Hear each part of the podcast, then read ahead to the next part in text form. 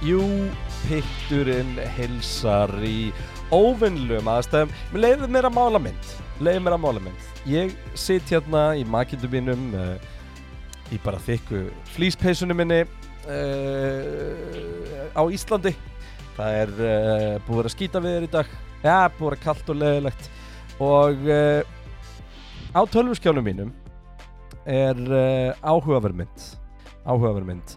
Það er, uh, það er, það er maður og það eru uh, stillimyndajakkaföld þau hangin í skáp, skápurinn er opinn og þetta er maður sem er í það stóru herbyggi að fyrir honum er þetta einbilshús með við herbyggi sem hann er í vennulega þessi maður heldur á ferskju Jack Daniels smilla að, eh, sem er samt ekki smilli en svona, þú veist, þið, þið fattir hvað ég meina svona, svona juice Svona ávaksta drikkur já, bara. svona áhersla drikk að jafna sig eftir fyllir í Nashville.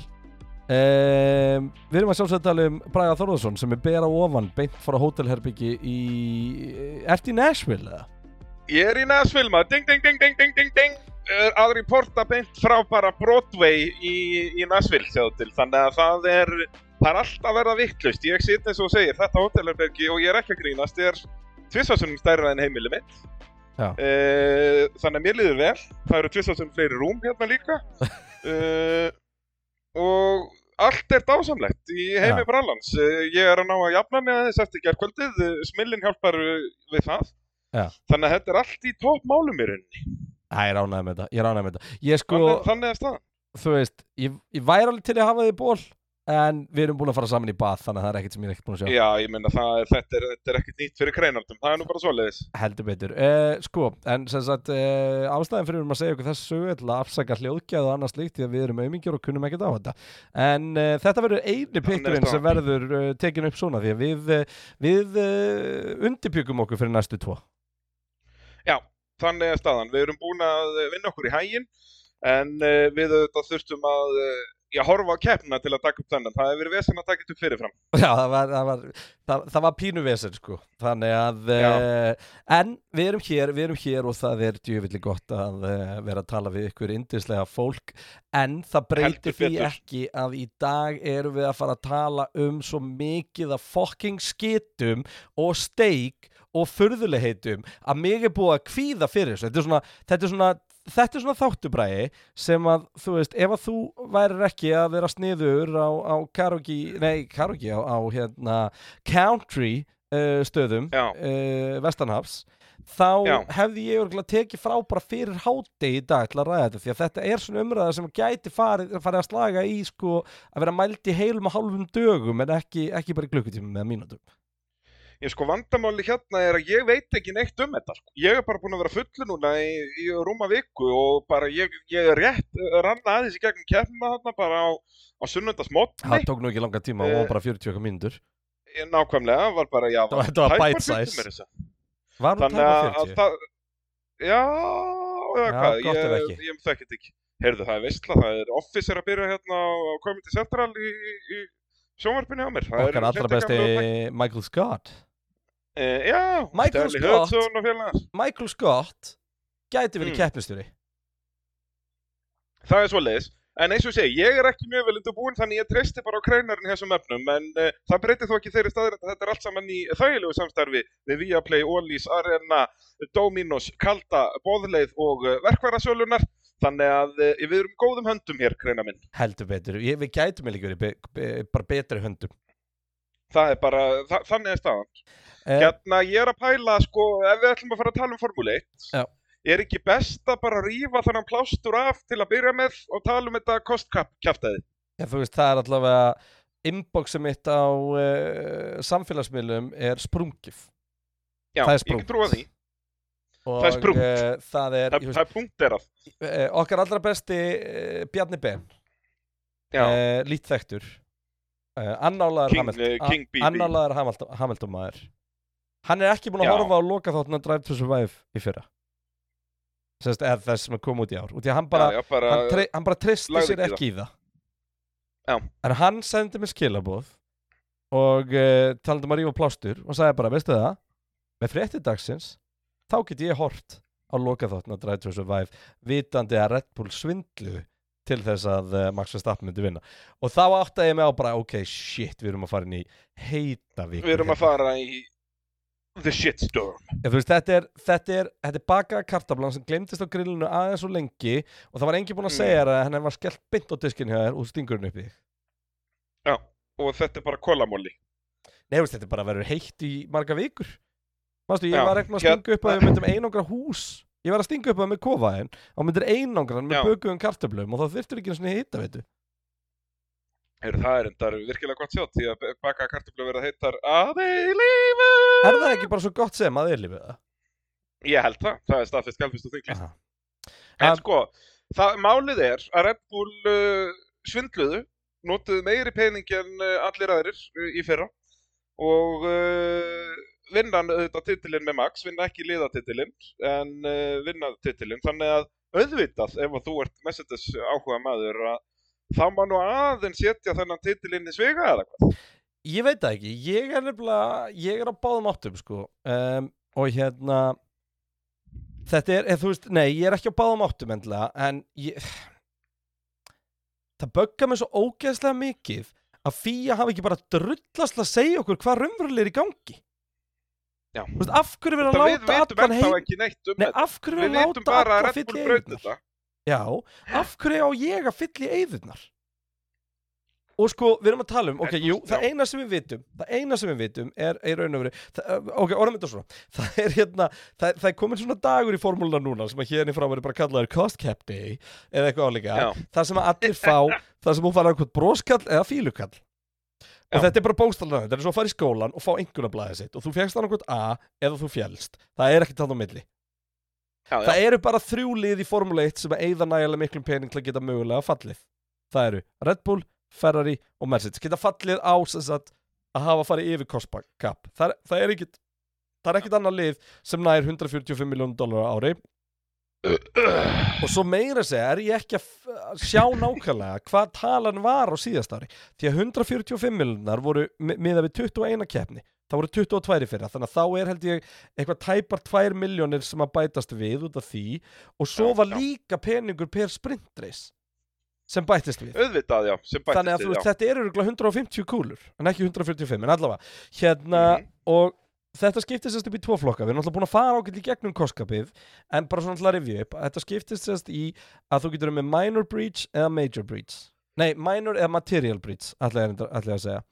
Og svo er svo kallaði procedural breaches og bæði Aston Martin og Williams falla á procedural breach. Það komi ljós bara mjög snemma að uh, Williams voru að fara að falla á því og því voru að seinir að skila einhvern gögnum eða eitthvað álíka borguðu Já, bara það 20 var bara svona einhver feill hjá þeim bara eins og segir og senir að skilin gögnum þannig að Þeir borga bara smá sekt þeir hafa skilað ykkur inn og fía bara það er ekki séns þegar við smíðan að bíl fyrir 300 eurur og, og Joska Pito er bara verið bara jú, sérðu ekki hversu hrattan fyrir það nei, hérna nei, en, en, en svona öllu ganni slefti þú veist, það var bara 25.000 dollara eða evru eða hvað sekt, þetta er allt uh, sami skíturinn í dag. Það var 25.000 Já. peningasekt uh, ekki svona fish money eins og við erum með hér eitthvað svona alveg peningar. Og, og hérna og uh, og það er ekkit vandamál, skilur en þetta procedural breach getur verið helviti margt og þetta procedural breach getur verið, þú veist, að reyna að villa fyrir, að tefja að flækja, þú veist, það getur verið alls konar svona hluti, þannig að það er mjög alvarlegt brot myndi ég að halda oft á tíðum nema það sé bara eitthvað svona að það vantaði hérna uh, viðhengi átti að vera PDF en það kom sem vördskjál Já. sem að Já, getur já, getur alveg verið þú veist, að, að það sé Já, já. eitthvað svona formsatriði algjört en Aston Martin og Akkurat. Williams falla sérst á þessu uh, Red Bull fellur líka á þessu Red Bull nefnilega fellur á tveimur það fellur bæði á því að vera með minor breach á cost cap og að vera Já. með uh, procedural breach þannig að það eru tvö breach þar hinn sjöliðin fengu öll bara hérna broskall og fara heim til mamma og pappa stolt með blæðið sitt og segja sjáðu, sjáðu, ég, ég, ég komst í gegn. Já, um, og það, það fór fyrir á ískapin Já, minor breach, að fara minor yfir er allt að 5% uh, overspend. Sem að hljóma Já. voða saklaust hljóma voða saklaust. Þanglega áttu á Já, því að þangað til þú áttar á því 5% hvað af það er mikill 145 miljónum dollara eru sjö, rúmlega 7 miljónir dollara. Já. og þegar þú það er að bera ansi mikið af framvængjum Já, það er ansi mikið af framvængum og, og ég meina Mattia Binotto sagði bara beint út að 5 miljónir dollara væru hálf sekunda on average í laptime. Ef það eru, ef það eru Það er, fimm þú veist, mínútur formúliðin eru með svona ákveðna formúliði bara hvað, ge- hvað þú þarft mikið pening til að græða x mikið tíma. Algjörlega, Fredrik var uh, svo kom út og, og sagði að heildar development kostnaðar Alfa Romeo yfir þetta sísón voru 2 miljonir bara til að setja í samhengi sko. Nákvæmlega. en þá var alltaf ekki verið að er tala um að smíða bílinn sko. það var verið að tala um, þú veist, Nei, nei, bara season development, já. akkurat, bara Þannig- þróun. þannig að það setur þetta í heldur mikið samhengi að, að broti gætur mjög ég er búin að vera að heyra eitthvað slúður að þetta, þetta, þetta gæti verið eitthvað því að Red Bull fakturaði ekki inn að catering kostnaður væri sem hluta þessu en þá fyrir maður að veltaði fyrir sér sko, ef þetta er catering er þá ekki bara verið að sulla í allt og dýrum vörum hann hjá Red Bull eða? það kampaði hann upp á alla veggi og Já, ég veist, ég, er, ég, er, ég er að segja sko, er, er, er hérna er þú veist, tröflumarnir og nautalund alltaf í hátteginu þar en svo ferði yfir til þú veist, Mercedes sem er að passa sig og það er bara rökkjeks mm. Þú veist, Ég Hamilton, ætla að sé ekki þannig, það er bara svoðin fiskur í hjá Mercedes en, en eins og ég segi, tröflumærin er nautanut og, og raukt og kampavín hjá Red Bull. Ég meina, þú veist, eitthvað, eitthvað er það sko, það, veist, og það, ég ætla að vona þá að það verði sparað þar næst Já, sko, kreinarinn geta allavega ekki verið að vinna á Mercedes, það er þér víst, hann, geti verið hjá Red Bull. en sko, ég er svo pyrraður yfir þessu ég er svo Já, pyrraður ég, bara, ég nenn ekki þessari umræðu. sko. Nei, og ég nennin ekki Ég fara að ískra eitthvað enn í mækstandu mínum Ég ætla að koma svona vel fyrir svo þú lappir upp á borð Halla mér aðeins Já, aftur ég með, ég er með lappir upp á rúmi, sko, það það er rúm, sko, Ég- tölvan mín situr ofan á rúmi, skilur, ég, ég er mitt að tvekja rúma.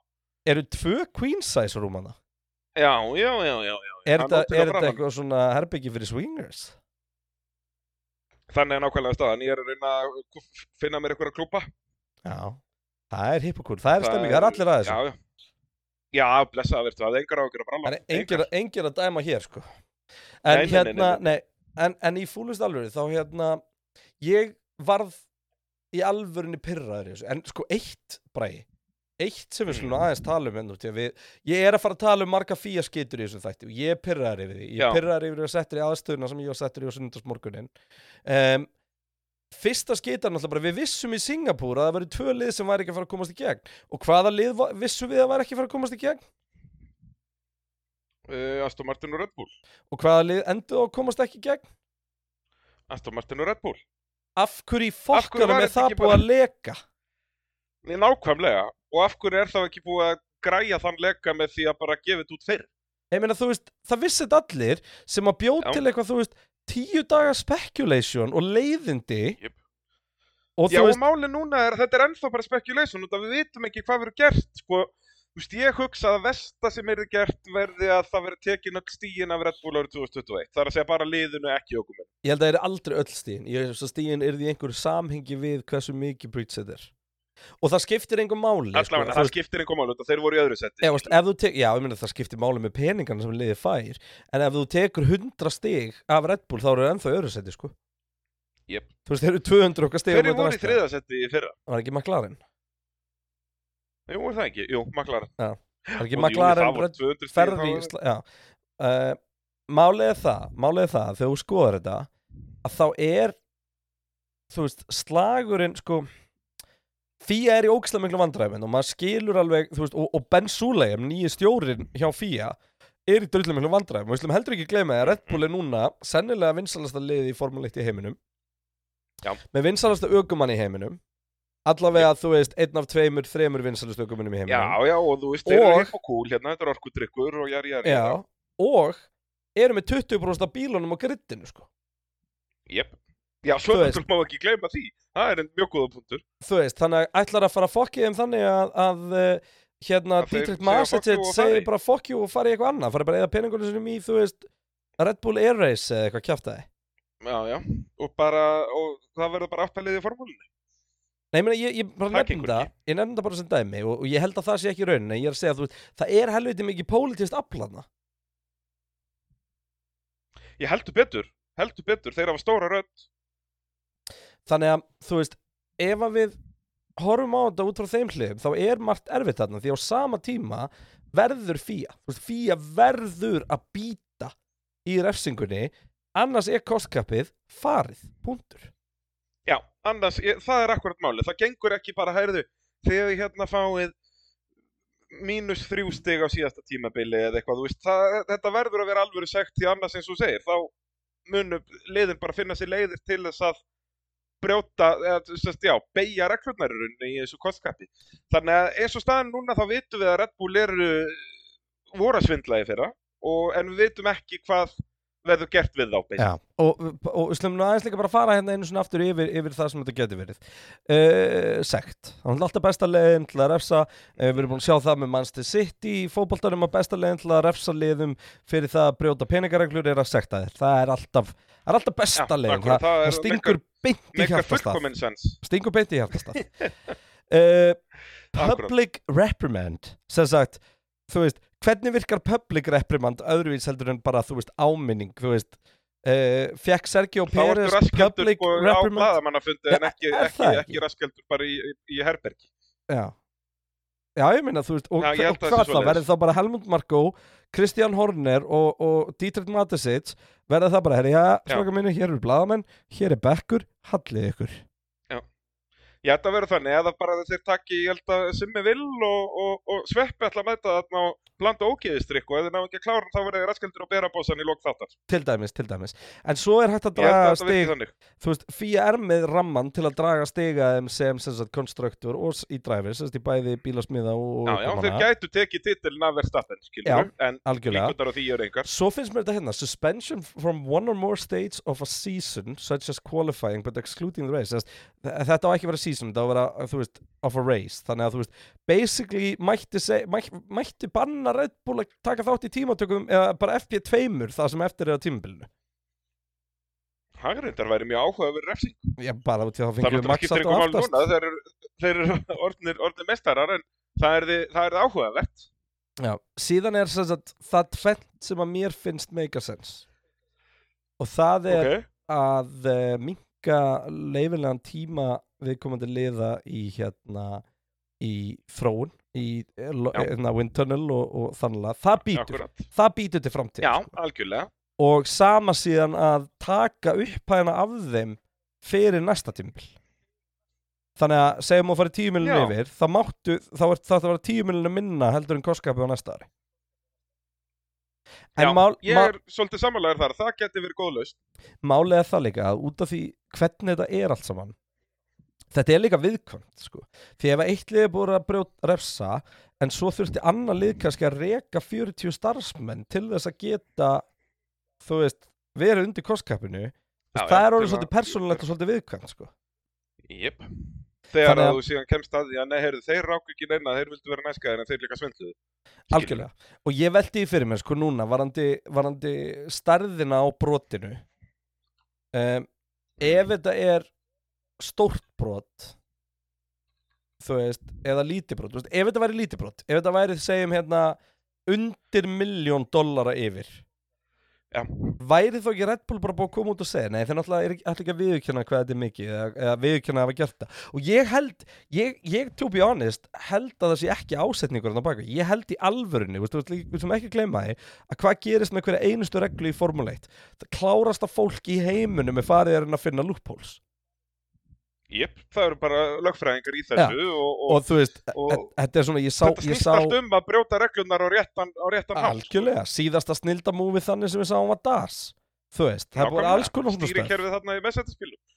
Það er bara akkurat málið, þannig að það er, og Koskap er alveg það sama og eins og, eins og með Red Bull núna, ef að þeir fá bara peningasegt, að þá verður bara sett upp reikningstæmi hjá ríkuliðunum bara, heyrðu, hversu mikið getum við brotið Koskapið og síðan bara borgað auka sekt, skilur, og, bara, akkurat, og þannig verða það bara, veist, þannig að það meikar engan sens að fara að gefa þeim refsingu. Rí, ríkuliðin Peningar. fara það bara að borga hátíkuskatt Nákvæmlega, nákvæmlega. það er bara, það er ekkert flóknar en það þannig að hérna, þetta er, þú veist þetta er, þetta er ógislega flókin staða og, og ég held, ég persónulega held að þarna sé missefnuð leið til hjá Red Bull í að gera eitthvað löglegt sem var á gráu svæði ég held það Já. sjálfur um, nema það sem ég gera ráð fyrir er að, að fyrst að það var ekki mert þannig á þeim að þá reyndi ekkert annan liða sem segir mér að það er verið á ennþá grára svæði heldur en bara á ljóskráa svæðinu sko. Akkurat, akkurat. og því ég get alveg En, lofað þú því veist, að, Mercedes og Ferrari eru búin að argjúa einhverja hluti inn í, Já, þú veist, undir annan kostnað og þannig þannig að þetta er ógeðslega 100%. flókið þetta er ógeðslega flókin staða og þetta er ógeðslega flókin staða sem að uh, Fía finnur sig í. Og aftur ef að refsingin býtur ekki ég er alveg pínur hlutlust þegar kemur að refsingunni þú veist ég vil Já. hins vegar að þetta verði rannsakað sko, og það var annars að áhugavert. Fía og Red Bull minna tóku það sérstaklega fram að það þurfti ekki að lonsa rannsók og það er ástæðan Já, fyrir því ég held að þetta sé væri bara ekki skólabóka dæmi. Nei, ekki þetta verið endilega skólabókadæmi heldur bara þú veist, það, þetta var bara í gögnunum sem að Red Bull skilu og það er þess vegna sem ég held að þetta sé eitthvað sem að Red Bull tólka sem kostnað sem átti ekki að fara undir kostkap en Akkurat. tólka sem sem átti að en að kostnað sem átti að það undir annars hefðu þeir aldrei uh, submittað þessu þannig. Annars hefðu þeir alltaf reynt að fela þetta eitthvað. Já, eða bara þú veist, ég reynda er ekkert endla að að við viljum reynda að svindla heldur bara þú veist Já, já, já, jú, já, nei það hefði bara ekki gert það skilur við, Akkurat. Já, já. þannig að Það er hérna bara svoleiðis, en uh, ég nenni ekki að tala um þetta meira, Kristján. Ég nenni því ekki. Nei, út af því að þú veist, þangarlega þá, Já, eh, já, og bara hvernig refsingin verður og hvernig þetta verður allt. en Bræði, ég er að gefa þér fullkomið segway hérna til þess að plugga báðuleið, sko Herðu, já, búm. Þessir gæjar, þeir þurfa nú að fara í bókaldþjónustu hjá okkar allra bestu. bara ekki þið- spurning Það er bara nákvæmlega svoleiðis. Þetta er enda litla plöggi. Þetta er bara, það er ekki oft sem að þessar aðstæður gerast í Formule 1 að það er solid plögg að bóðilegið, en þetta er svo sannarlega, þetta getur verið svona framtíðin. Alltaf þegar kemur hérna kostkapp umræður upp, að þá þurfa að plögga bóðilegið. Nei, ég meina, ef ef þú neklir þessu bara þangaðinn, öllum reikningunum, þá hefur bara getað ítt á print Já. og Ég skilað nákvæmlega og það hefði allt verið nákvæmlega eins og þetta var allt saman og þú bara hefur ekki þurft að eyða þínum eigin tíma og vesen í þetta og eða kunnáttu, lættu bara annað fólk um þetta og það er það sem bóðileg gerir fyrir uh, fólk og fyrirtæki og þess vegna elskum við það fyrirtæki, það er nú bara svoleiðis. En svona loka, Eh. uh, loka orðið mínum um þetta er að hérna, ekki búast um niðurstöðu á næstu vikum. Ég, bara, ég er ekki. bara likku við hissa ef það verður niðurstöða fyrir áramót, sko. Því að það sem mun Það gerast, verður í off-seasoninu en ég veit ekki hvennar. nei, því að það sem ég get eiginlega lofari að gerist, er að þetta er þannig mál að ef að fía dæmir Red Bull hafi brotið það, þú veist, þegar einhvers Mm. konar review eitthvað svona challenge sem er núna að koma vantla frá Red Bull er búið, þá er Red Bull bara ekkert að fara að láta það við kjört liggja að taka þetta bara upp með einhvern fía dómstól, sko. Já, já, Því að þú veist, það er lið, veist, það, þetta er alltaf að fara bara fyrir rétt, sko. Jöp, Og það mun bara taka einhver... Það er ekki bara einhver íþróttadómstótt, já, sko. og það mun bara taka einhver ár, sko. Jöp. Þannig En eins og segi, það fyrstu svona almennilegu fréttindar held ég að koma bara í off-season einhvern tíman, þannig að, að vonandi munum ekki þurfa að ræða þetta mikið reglulega þanga til, en við sjáum hvað setur. Eh, en eigum við að fara að skella okkur að tala um Japan, eða? Hvað ég verið pyrraðar aftur, eða? Já, það er eina vitið, sko. Spurði pittin að sjálfsögði bóði Dominos, ef þið uh, vilja fá Dominos pizzanar ykkar uh, á uh, minni auður, að þá uh, skrifið í kóðan pitturinn þegar þið pantið með appi eða á heimasíðunni, því að uh, Dominos eru náttúrulega okkar menn, það er bara svoleiðis, bestu pizzanar í bænum, bara bing, Ég, bara ég bló. veit, veit það líka að þetta er uh, mikið nýtt, bræ. Það er ekki bara ég og þú sem elskum Dominus Pizzur, greinilega. Það er uh, svoleiðis að staðan, það er ótt að segja það. Já, það bara Eh, og Viktor Böðvarsson, uh, hann spyr náttúrulega spurningu sem skiptir öllum máli, uppáhald sushi biti. Já, bræ, hvað Er segir þú þú? mikill sushi maður? Ég er Sko, ég nefnilega, sko, ég borða alveg sushi en ég get ekkert sagt þér, hva, þú veist, heita bitarnir eitthvað, þú veist, ég veit það ekki, þetta er bara fískurinn og, og eitthvað lax og eitthvað huguleghet og eitthvað wasabi og eitthvað. Þetta er dýrasta kílóverð með að við hvort að fá ever því að líka, þú veist, þú verður aldrei satt sko, börni mín end, elska sushi Já, Og- hérna, að fara út að borða með þau á sushi-stalli með eitthvað svona staða sem þú fær bita eins og hann að lesta staðin og eitthvað svona dót það er hrikalegt, því að þú veist, eins og Einarbjörki þú, þú, þú er nú séð þegar hann hakkar þessi pítsu og 16 tómi pítsa bara hverfur sko. Já, já. hérna okkar maður Mulningsfél. verður ekkert sattur af þessu nema þarna kostar hver einasti helvitis biti 500 kall sko. þú veist, þannig að svo bara. Ég meina þessu svo bara eitthvað, herri, hérna, svo var krakkin að borða fyrir nýjúðus kall. Já, Nei, hérna, ég er, sko, mér finnst sushi mjög gott svona á og til. Ég er ekki, ég, ég meika það ekki oft, sko, en, en hérna, já, það er oft sem að ég dætti það og, og mér finnst, mér finnst mér margt gott. Ég er eiginlega mest hrifin af bara original nigiri bitanum sem er bara, bara lax á, á hrísgrunum, sko. já, það er ekkert verið að flækja þetta. Nei, þú veist, en ég, ég hef gaman að smakka flest allt, sko. Ég er endar ekki mikið fyrir hvítan fisk í þessu. Nei, svo sem, já, ég er svolítið samanlegaður þar. Uh, en það er náttúrulega sushi, þeir eru allir í þessu í Japan, þannig að við erum í Já, Team þar Sushi, væri það við bara þar væri við bara í sushi Tjóðvill var það gaman að staðfest sjá að þetta ja, japansku stuðnismennina Ha? Já, ég elska það svo mikið, allir með hattana og þetta tótt, ég var farin að sakna þess. En sástu í rigningunni, það voru líka allir með svona custom plastpoka til að passa upp á hattana Já, passa veist- upp á hattinn. Já, þú varst með eitthvað Þú pappa kemur Red Bull á þig eða eitthvað og, og, og svo, svo kemur með lítinn boka fyrir hattinn, þetta er alltaf gott. og, og sem svo passaði fullkóla þetta var bara eins og þú myndir kaupa svona segli við kappaspil Já, já, bara custom made, kallið minn. Það er bara svoleiðis. Þetta, Uh, og Japanar kann um Já, heldur betur, hann Valdimar Átnason uh, spurði okkur þarf ekki að fara að skoða betur þessar rigningareglur? Leðilegt að keppnin uh, verði að engu minka spreyið eða bara eitthvað bara finna leið þannig að sé hægt sé að keppa. Og það voru margir á, á með svipaða spurningar og, og ég kreinar, ert þú með eitthvað að lausna þessu? Ég er búinn að við segja bara það svona um tíu? Já, Ég er búin að vera að segja þetta í allt ár. Bláu dekkin eru of léleg en allt of góð á sama tíma í því að þau kasta upp svo mik miklu vatni gerum þau bara lélegri og gerum grænu dekkin lélegri og gerum eitthvað, eða þú veist, eða þá setjum eitthvað fokkin drullu Ég heyrði Landon Norris tala um þetta bara, we need mud flaps já bara hafa til að er málið. spreyið Já, Og það er eins og þú veist að tala um og ég er svo samanlega því að, eina vandamáli í rigningu er bara að þú sérði ekki neitt. Það er Já. ekki gripir en ekki vandræði, skilur. Ökumenn bara bregðast segðu, segðu Carlos Sainz það Já, já, en ég minna hann bara síndi að hann er ekki góður að bregðast við liðlegu gripi. Nei, nei, hann bara reynda að fara á og það er bara skemmtilegt. Og, og, en þetta er, uh, ég er svolítið samanlega þarna, bara það þarf að finna laust sem að minkar sprey. Já. Það er, svona alveg sama hvernig svo laust myndi líta út, en það er basically laust. Ég er nefnilega alltaf að átta mig á því bræði. Manstu bara hérna á síðustu árum þegar var Mm. aldrei rigningakeppni svo hvað rigningakeppni og við vorum bara yes, það er rigning í Já. dag mæti ég í stúdíu, ég sé rigning og ég er bara svona uh. Já, bara fuck. já því að þú veist það eina sem getur gerst í rigningakeppni er kaos krass Já. þú veist við fáum eiginlega ekkert af skemmtilegum rigningakeppnum lengur Í raunin ekki. Það er, uh, hérna, þú veist, eina sem getur gert regnarkeppni skemmtilega er að ef að brautin þotnar og fáum fleiri pitstop, eins og en núna það, við höfum það, fengið tvær það snýst á um röð, en við fáum það aldrei. Nei, líka það snýst á um pitstoppin því að þú kemst ekkert fram úr á þotnandi braut sko.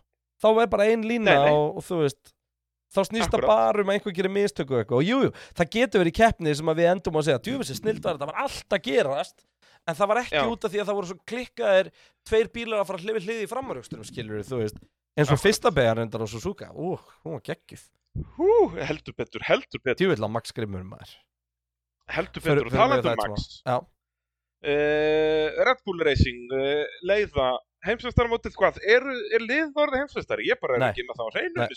Nei, ekki það, það, vantar, nei, það vantar nokkra keppnur upp á það en þeir munu Já, verða eru með ykkur, eða ykkur 619 pening til að tryggja það Já, nákvæmlega, nákvæmlega. En Max Verstappen, hann er orðin heimsmeistari annað árið, í röð tvöfaldur meistari, uh, er því komin í, uh, já, ansi góðan hóp þar með ökumennum sem vinna, hafa náða að vinna titilinn tvisvar, er með 366 stig, uh, Sergio Pérez endaði annar um helgina og er í öðru seti í mótinu með 253 stig.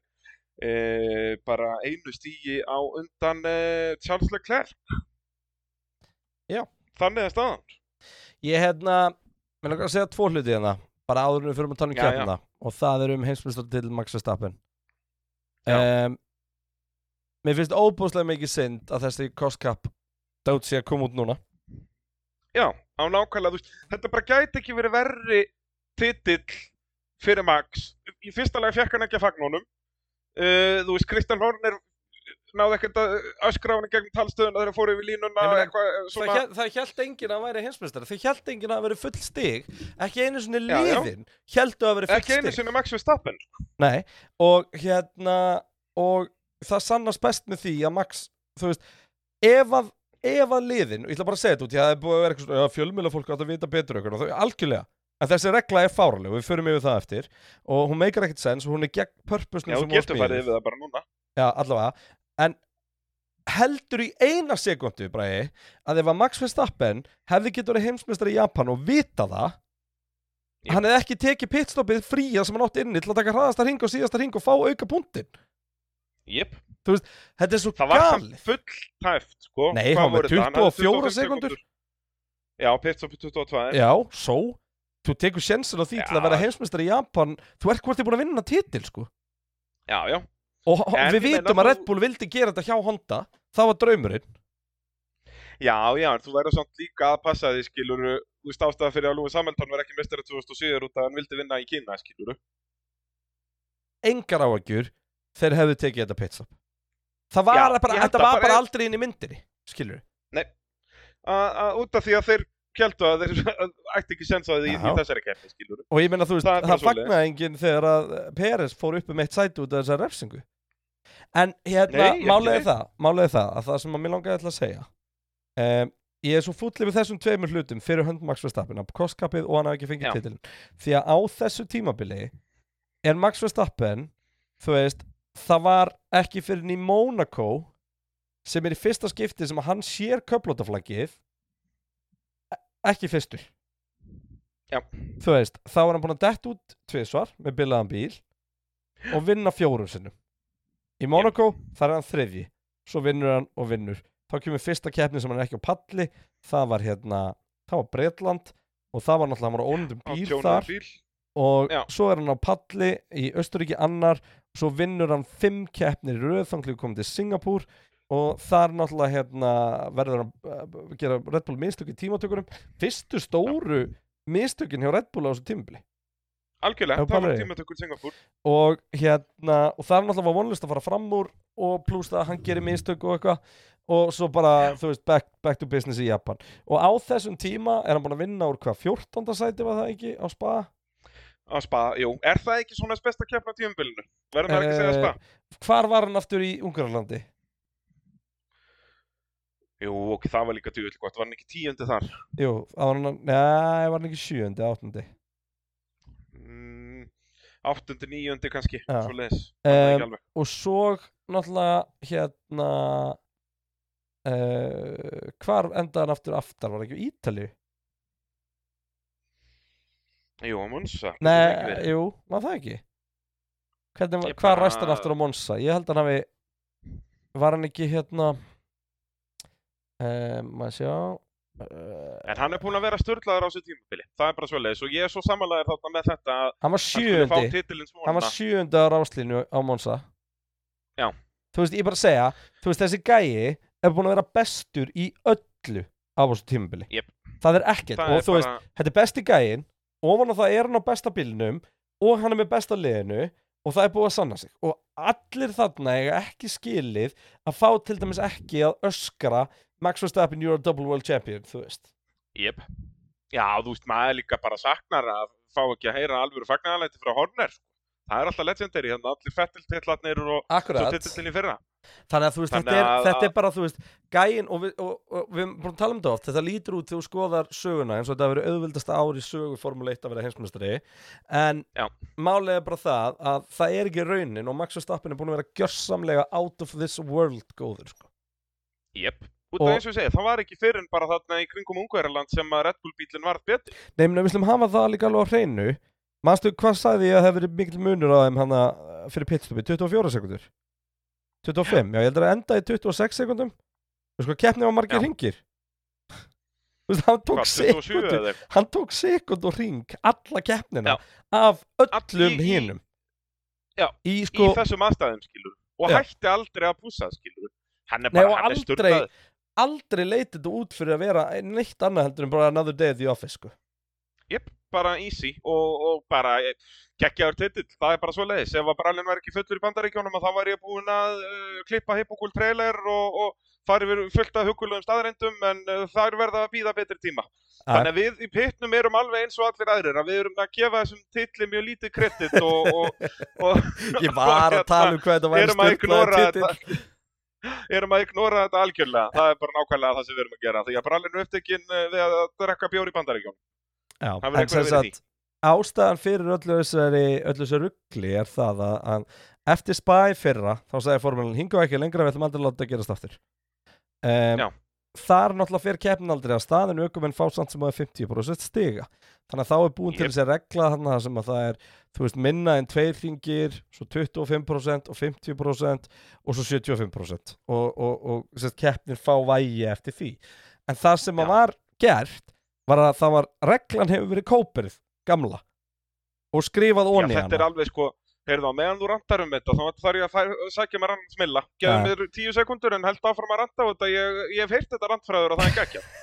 þú veist, og sem sagt það er punkturinn sá að ef að keppni klárast ekki á köflóttu flaggi að þá þú veist, ef hún klárast á baku öryggisbíl eða, eða, klár, eða á rauðu flaggi og það er ekkert að setja hann aftur á stað að þá miða við þessa reglu 25%, 50% eða 75% eru gefin stig eftir því.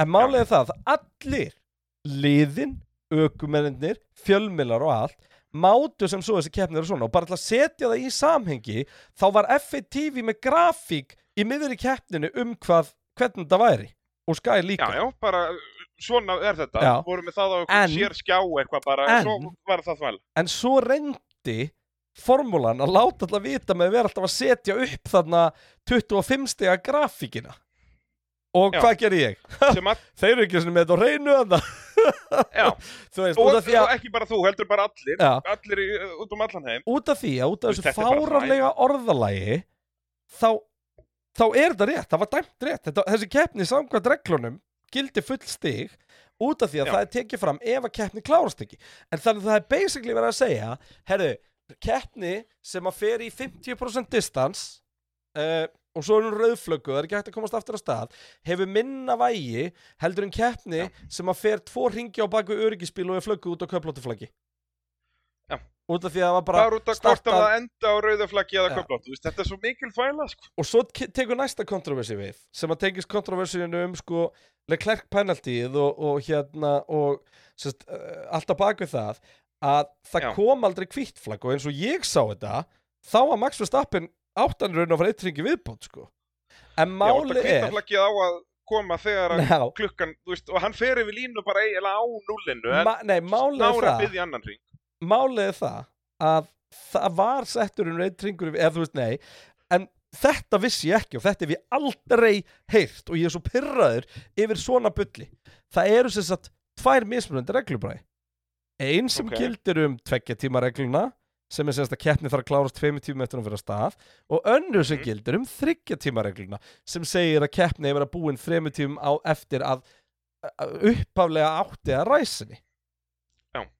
hún klárast bara eftir þrjá tíma, punktur Já. eftir tvo tíma Já, er hvítt flagg og eitt Akstustími ringur verðstappin í þessari keppni voru, akstustíma hans voru þrýr klukkutímar og 1 mínúta og 44 sekundur. Já, en þá Það er að segja, þú veist, það er hérna qualifying tímin að segja svo að já, sem er, er í stöðutöflun. Já, en þar kemur punkturinn þetta að ef það fer yfir þrjá klukkutíma þá er er ekkit einn auka ringur Af hverju er sikkur regla þarna Ég um skil- nákvæmlega sama hluti?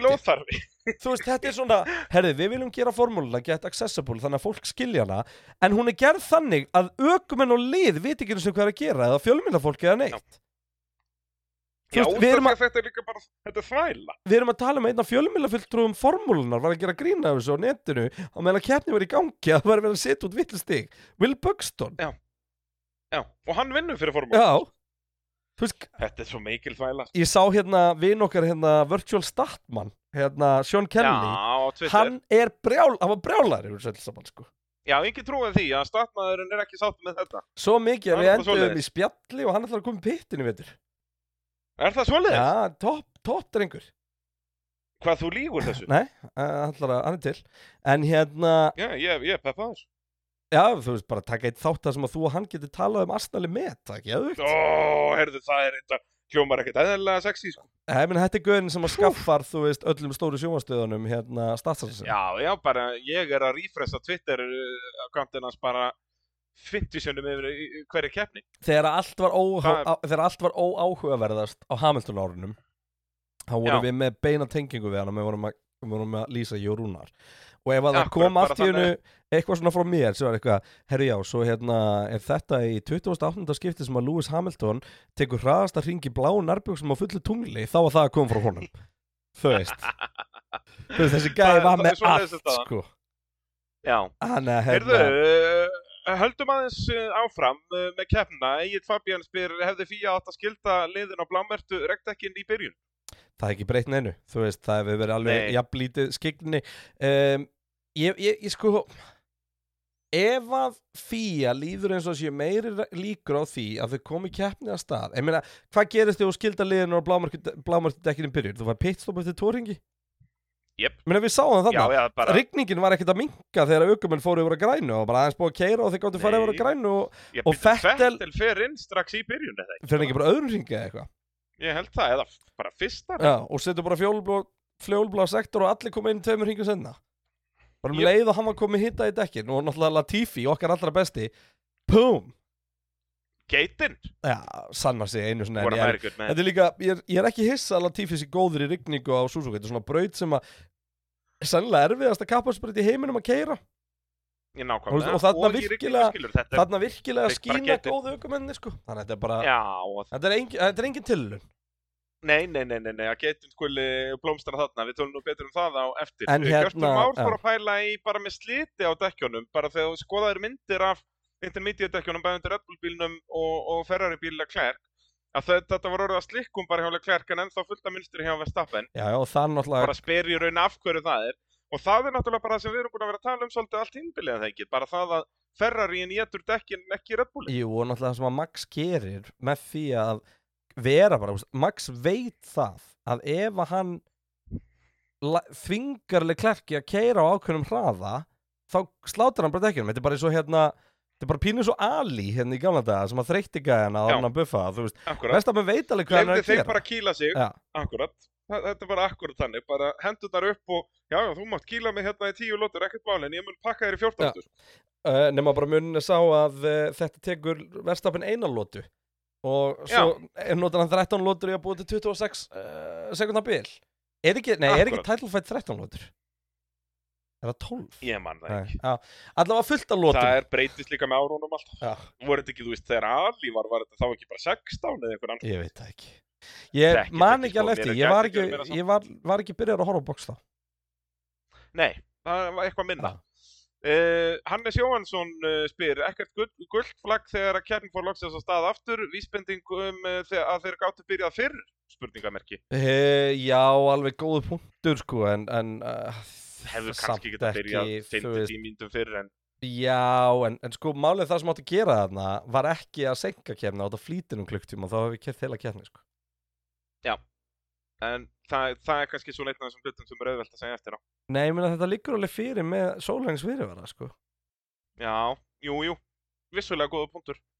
Það er allavega alltaf leiðarið til að fá hann bara stutta keppni, það er svolítið svo leiðis. Uh, Anton Bjarni spyr, þarf ekki að senda hollensku stuðningsmenn og námskeið hjá þeim japönsku um hvernig það á að vera með ástríðu en haga sér ekki eins og sögðir. Mér fannst nú samt Eh. vanta smá upp á stemminguna Já, það var svo geðveikt í pásunum þegar var bara eitthvað svona random einhverjum liðunum að fara og, og gera eitthvað og þá gerði öll stúkan eins tilbaka bara vinkaði eitthvað, Juki kemur og þetta hefði verið, þú veist, Max í Hollandi þá hefði bara, þú veist, stúkan brotnað en það vinka Já, já, bara allir, það er bara allir að vinka Juki Já, það er rétt, er, uh, þau, þau eru ekki alveg á sama level hollendingarnir, sko. En þetta var samt svo uh, góð- Hollendingarnir fara líka stundum með um strikið. Þetta var svo, já, og breytarnir og, og alltaf limaður. Þetta var svo góða áminning með hérna, með hvað Yuki er áhugaverðu karakter að horfa japansku stuðnismennina og hlusta svo Yuki band fokkin brjálaðan í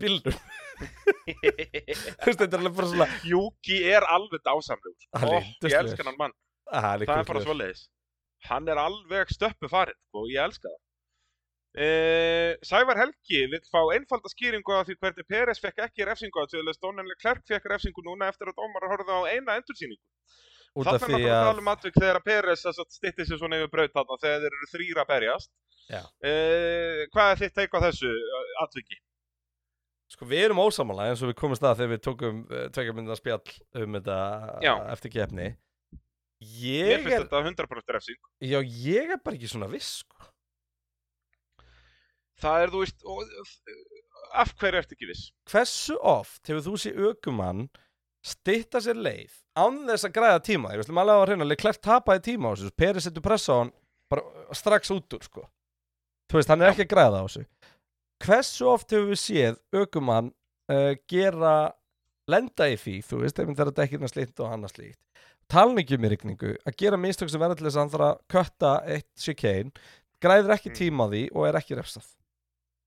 Ef að Peres hefði verið komin bara með sko afturvangin við hlið afturdekkjana hjá Leclerc þannig að þú veist, ég hefði upplifað þetta sem að Peres væri að gera allu að honum þá var þetta refsing.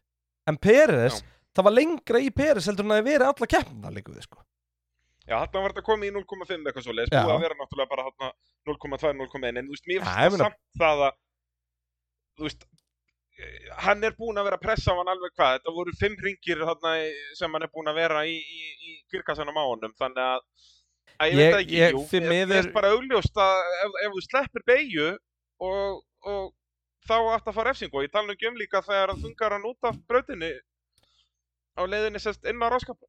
Já, það var nú samt bara alveg klærk að gera bíl sem breið Ég er sammálið því, það var, það var alveg á svona þú veist, eh, dört í svæðinu en það var ekkert meira Það var dört í það var ekkert meira dört í heldur en hluti sem við höfum ekki sér dæmt á og, og bara samber, þú veist uh, Max og, og hérna Hamilton í. Brasilíu í fyrra um, hversu oft höfum við pyrrað okkur á unconsistency í Östuríkisdómunum þú veist, þetta, þetta, þetta er alls ekkert grófara heldur en margt á því skilur við, þetta er ekki Nei, nei, þetta er ekki ég að að bomba segja- á Mick í, í Singapur sko, þetta er, þetta er já, þú veist og það hefði ekki verið dæmt á það.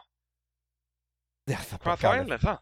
en hérna, Heldur þannig að betur. þú veist þetta er, þetta er mér, mér fannst það ekki aldrei einhvern veginn vera dómur en, þú veist, Klerk sætt sér við þetta og virtu, virtus flestur satt við þetta Binotto var aðalega bara svo fúll sko eftir, eftir þetta út af því að eins og hann orðaði það, þú veist, Peres fekk bara hérna fjóra-fimm tíma til þess að verja sig eftir Singapúr og þar var sigurinn akkurat, það var refsingin akkurat þannig að hann heldur sigurinnum en hér er, er niðurstaði dóm komin á innan við þrejum myndum, skilur Og ég ekkert kaupi það. og. Nei, og ég kaupi það alveg, og náttúrulega Binotto nýtti tækifærið og, og sagði, og við vitum það að Red Bull er búin að brjóta kostkapið og það verður bara slegja á puttan á þeim og eitthvað svona þannig að hérna, hann alveg gaf það alveg Þetta var skýrt í mjög áhugavert viðtal hjá Benotto, sko. Ja. hann var brjálaður Í skiljanlega. en málið er það, að, þú veist, mér mér fannst þetta bara ekki vera refsing þú veist, ég, ég get alveg guttir að, þú veist, þetta, er- þetta, er- þetta má ekki. En ef að ég var í klerkanda, ég hef verið stöppu geðugur eftir þetta, sko. Og svo er náttúrulega annað Já. svo er náttúrulega annað líka. Leclerc heldur þetta sé ekki síðasta ringur sko. það er Já, hlut svo af ástæðanum fyrir því að hann gerir þessi mistök. Því að hann veit það alveg að þú veist, hann, miða við það að Peres sé 0,5 á eftirunum þá gat hann bremsa 30 metrum fyrr skilur við Peres hefði bara náð upp á hann og hann hefði aldrei fyrir framvorunum fyrir ráslínuna, endavaslínuna Nei, sem er hann bara náð uppi. og, en það er sikvað eh, taktík þar en, en þar kemur það, þetta hringjabull aftur. Já. Þetta, er svo mikil þvæla, sko. ég meina Leclerc spurði líka bara, er, er, er þetta búið? Er þetta búið? Þannig að, og hann náttúrulega er að horfa í speklana þegar hann keiri fram með köflundaflagginu að blokka já. þannig að hann sér ekki neitt Þetta er alveg, Já, já. þetta er alveg galið sko og Þetta hérna, er bara bíó. nei og veist, og þessi endir og þessi keppni gerður eins og ég baði um og ég veit þú horfðir ekki á Heyrðu, já, ég, ég, ég gerði. Þetta, hvað baðstu um að gera? Ég baði um að fara, uh, ít á vottið, skottast inn á viaplay.is, ít á vottið og horfa á bara frá því að Max stoppar bílinn og þjónusvæð og þá útsendingu líkur. Já. Og þetta er bara... Það er, þetta er bara, þetta er einhver alvegsti trúðarleikur sem ég nokkuð tíma að sé. Michael Scott hefði ekki Og ég er búin að fylgjast með Ferrari allt tímabilið svo. Þetta er bara vitleisa, sko. Og þú veist, að hann vinnur titil og þú veist, þetta er bara, eins og segi, þetta er agalegt fyrir Max, sko. Og svo skilur loksins þegar hann getur byrjað að fagna að þá kemur hörðu, já, nei, þið eru að svindla, þið eigða alltaf miklu peningum. Já, og, veist, og það var að hangandi þarna sko. yfir og, og þú veist, og Já, þetta er bara, þetta veist, bara þetta er bara svo vandræðilegt eitthvað og bara allt í kringum þetta og bara aftur, Max á þetta ekki skilið því hann er búin að vera gjössamlega geisluna í- ár, sko. Þú veist, í alveg, Max er Já. orðin bara sker í maskina, sko. Jep, Þú veist, við ekki gleyma að gæðin er er bara- og hann er 25 ennþá- ára, sko. jep. Hann var 25 ára verður- fyrir viku, sko. Þetta verður rosalegt næstu ár, það er bara þannig. Já, þetta er satt, mér, Eh. mér fannst óþægileg tölfræði sem hann fekk hérna þegar hann jafnaði Alonso í öllu. Já. uh, og Alonso endaði á að gera ekki neitt eftir sinn annan titil þannig að við býðum að sjá. Herri, ég sá eitthvað svolítið skemmtilegt hérna uh, Fettel vann fyrsta titlinn sinn í Abu uh, Abu Dhabi vann annan titlinn sinn í Japan. Já, og þriðja, En- í, þriðja í Brasilíu þannig að það verður áhugavert á næst tímbili já, þriðja í Brasilíu og svo fjórða á Indlandi Já. Eh, Max er sennilega ekki að fara að vinna fjórða á í í Indlandi en. Brasilíu á næsta ári eh, við, við býðum spennt Já, En En Albert hérna- Fannar ja. spurði okkur uh, voru ekki gerðar neinar afstafanir að uh, það geti komið titill í þessari keppni eða fór allt í fjæðrafók eftir klúður eller klerk því að hljóta að vita allan tíman að það væri full stegagjöf og þetta er náttúrulega sem við vorum að reyna svolítið áðan að Jú, ég meina- fýja bara með allt í, í deginu sko. Fía gerði heldur betur ástafinni þá var komið bjárnulegasta World Champion herbyggi sem ég aðeins minni séð Já, og Max situr hann inn og er bara uh, hérna, hva, er ég meistari lonely. eða hvað hva, hva er að gera stjórna þetta er bara þvæla sko. Ég meina, þú veist, eina mínútuna, dæmi. þú veist líka, hann er bara ekki að trúa þessu Þú veist, herru Bræði, þú ert Nei. heimsmeistar í Formule 1 Ha, já, bá, takk Nei, nei, þú ert það samt ekki En þú ert það, en þú ert það samt ekki, sko já, en, ha, ertu, já, já, snild eitthvað, já, þú veist. Og líka Svo- því að Max veit alveg að hann mun verða meistari, bara spurning hvort það gerist þennan dag eða einhvern annan. Svo náttúrulega held þessi farsi áfram að það fyrir að lappa í gegn og all myndatöku grú er að detta og eitthvað Já,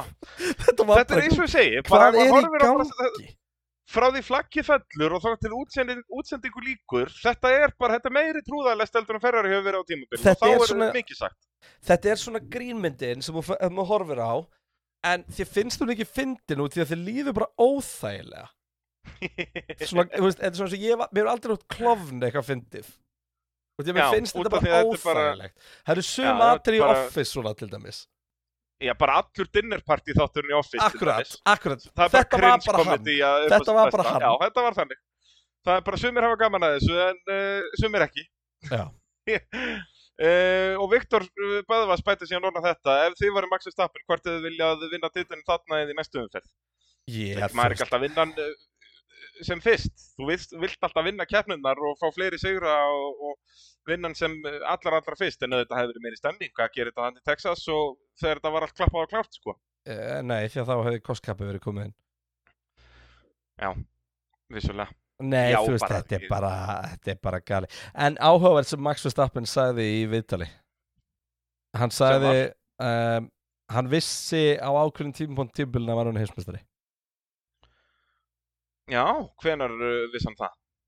uh, þegar hann kerði fram hjá Charles Leclerc í Fraklandi Fraklandi, já. Ég var að fara að gíska á Frakland þá, þá er átti hann sig á því að þetta væri að fara að gerast.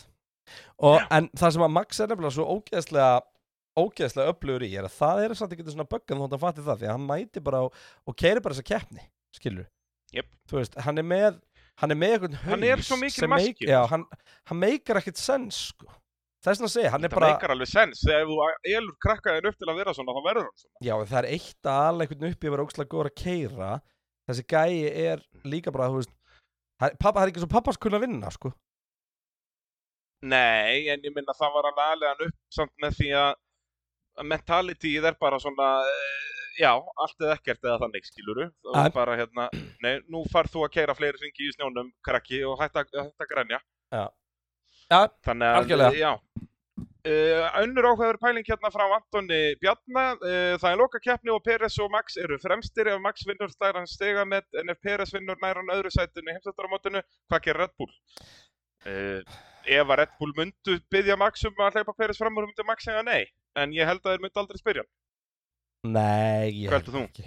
Ég held ekki, ég held að Max og Max er aldrei að fara að gefa sigur í Formule 1 keppni bara svo Peres geti verið í öðru sæti heimsættaramótinu Nei, ég held samt Ég ætla að spá því hér að Peres vinni í Mexiko og það verður óvinnu þægilegt fyrir hann að vinna verðstafan Já, þú mennar Fyrsta metið þarna fyrir flesta sigra í röð er farin út, út í vaskin sko. Já, já. en Max er En náttúrulega Max á ennþá ennþá möguleika á flestum er titlum á tím- tímabili. Hann er, búin er hann ekki búin að jafna? Það geti verið, eins og segi, ég veit ekkert um Formule 1 sko, ég er bara fullur í bandarækjón Ekki Nei, hún vantar, eitt sigur í viðbót til þess að jafna til að jafna Já, ég er ekki 13 sem að fettur og sjúmakari ég held það Já, það getur passað, getur passað Uh, þannig að, jú, hann mun allan tímum bæta það, það er bara svo leiðis. Uh, þetta er allt saman í þægilegu samstarfi við kalda sjálfsögðu bjórböðin fyrir norðan og, og hótel og með því því þekki þetta hlustendur góðar. Uh, dásamlegt fyrirtæki þarna ferðinni. Er það ekki rétt hjá mér, Krennar? Það er bara, wow. Við þurfum að fara að fara aftur. Já, það er svo leiðis. Ég, bara... ég geti farið hverja helgi, sko. Það er svo leiðis. Ég þurft að setja þetta að bara, það, þannig er staðan. Já. Uh, en staðan er líka þannig að Ferrari er í öðru sett í heimsæstaramótinu og munnu að öllum líkitum enda þar með, ég eru núna með 454 stygg gegn 387 stygg og Mercedes í þriðasettinu en uh, já, hvað er þetta komið í 150 stygg næstum því upp í Red Bull En hver áski Eh, með skilið Leclerc- kaldan? Þú klikkaðir á því, sko Heyrðu, já, hver að, úf, ég er í tómur og klíðana Það er bara Eh, Max hver er mest Verstappen skilið kaldan? Já, bara út af öllu þessu fokki, sko. Já. Þá bara, það þarf að gefa mannum kaldan. Já, og bara, þú veist, bara gaur slakað á Þú þurftir ekki að vinna þetta með 26 sekundum sko. Mér langar, mér, segi lang, það. mér langar til að loka svo einu árni fyrir mér í ferri út að þetta hljóma svona, við erum að gera grína hvernig þessi titill kom og eitthvað en ég vil bara, ég vil bara segja einu svona enn að Max Verstappen á þessu tímabili er búin að vera langbestur. Hann átti alltaf að vera heimsmeistari. Hann er búin að sína okkur að hann er bestur í þurru. Hann er búin að sína okkur að hann er bestur á götubrautum. Þú veist, hann vinnur þrjára fimm götukapastunum sko. Þú veist, það er bara Algjörlega, og góður í tímatökum og góður í keppni, þú veist, hann er bara eins og litið okkur maður og þau gerast. og í öllum Það er aðstæðum, í rigningu í þurri, í, í braut sem er að þotna á þurri braut og kaldri braut þegar hann er ekki fyrstur Ja. þú veist, hann vinnur keppni til keppni það sem alveg klerkt tekur ráspól þú veist, þessi gæi er bara á okkur annari plánetu hérna, hann að þú veist, Ég held að það sé best Vá. að lýsa Leclerc þannig, að, nei ekki Leclerc heldur Max Verstappen, að það er alveg sama hver, hvers konar aðstæðar myndu koma upp, þú, þú, við myndum aldrei segja, heyrðu og hérna er þá möguleiki fyrir aðra út að við vitum Max Verstappen er ekki góður hér. nei, veist, Það það, gerist það ekki, hann er góður að alltaf. það veri bara vantaði tvö hjólundi bílinn hjá honum Já, já, eins og þú veist, Ungarlandi fyrra á Silveston í árkiluru þegar hann er að kera á ónýtum bíl, en uh, Algjörlega. annars ekki. opnaði ferri, Það ég er verð að ná svolítið mér í meira vatn Já, já, uh, Kreinar er farin að sækja sér vatn, uh, Leclerc ræsti annar í Japan og kláraði annar, er í þriða sæti í heimstættarumótuna en bara einu stíu eftir Peres, þannig núna er það árið náðar slagurinn uh, eftir að Max triði sér titilinn. Carlos Sainz ræsti þriðji en krassaði strax í, já, hvað var þetta? Áttunda beigja, þetta er nú það margar beigur til að byrja með, þannig að alveg upp á einn spýturrun krassaðan og uh, situr því enn í 5. seti heimsættarámatunum með 202 stig uh, á eftir George Russell sem er 207, 5 stig þar á milli að það verður annar áhugaður slagur til að fylgjast með uh, út tímabilið uh, við fengum nú ekki mikið af spurningum um Ferrari já nánast engar spurningar þetta tengist alltaf Red Bull og Ferrari tengist alltaf saman En uh, já, kannski aðalega byrja bara á Carlos Sainz. Hvað, þetta voru bara alveg pjúra aukumennsmistök, það var engin nálætt honum þarna. hann fyrir bara að fljóta Já.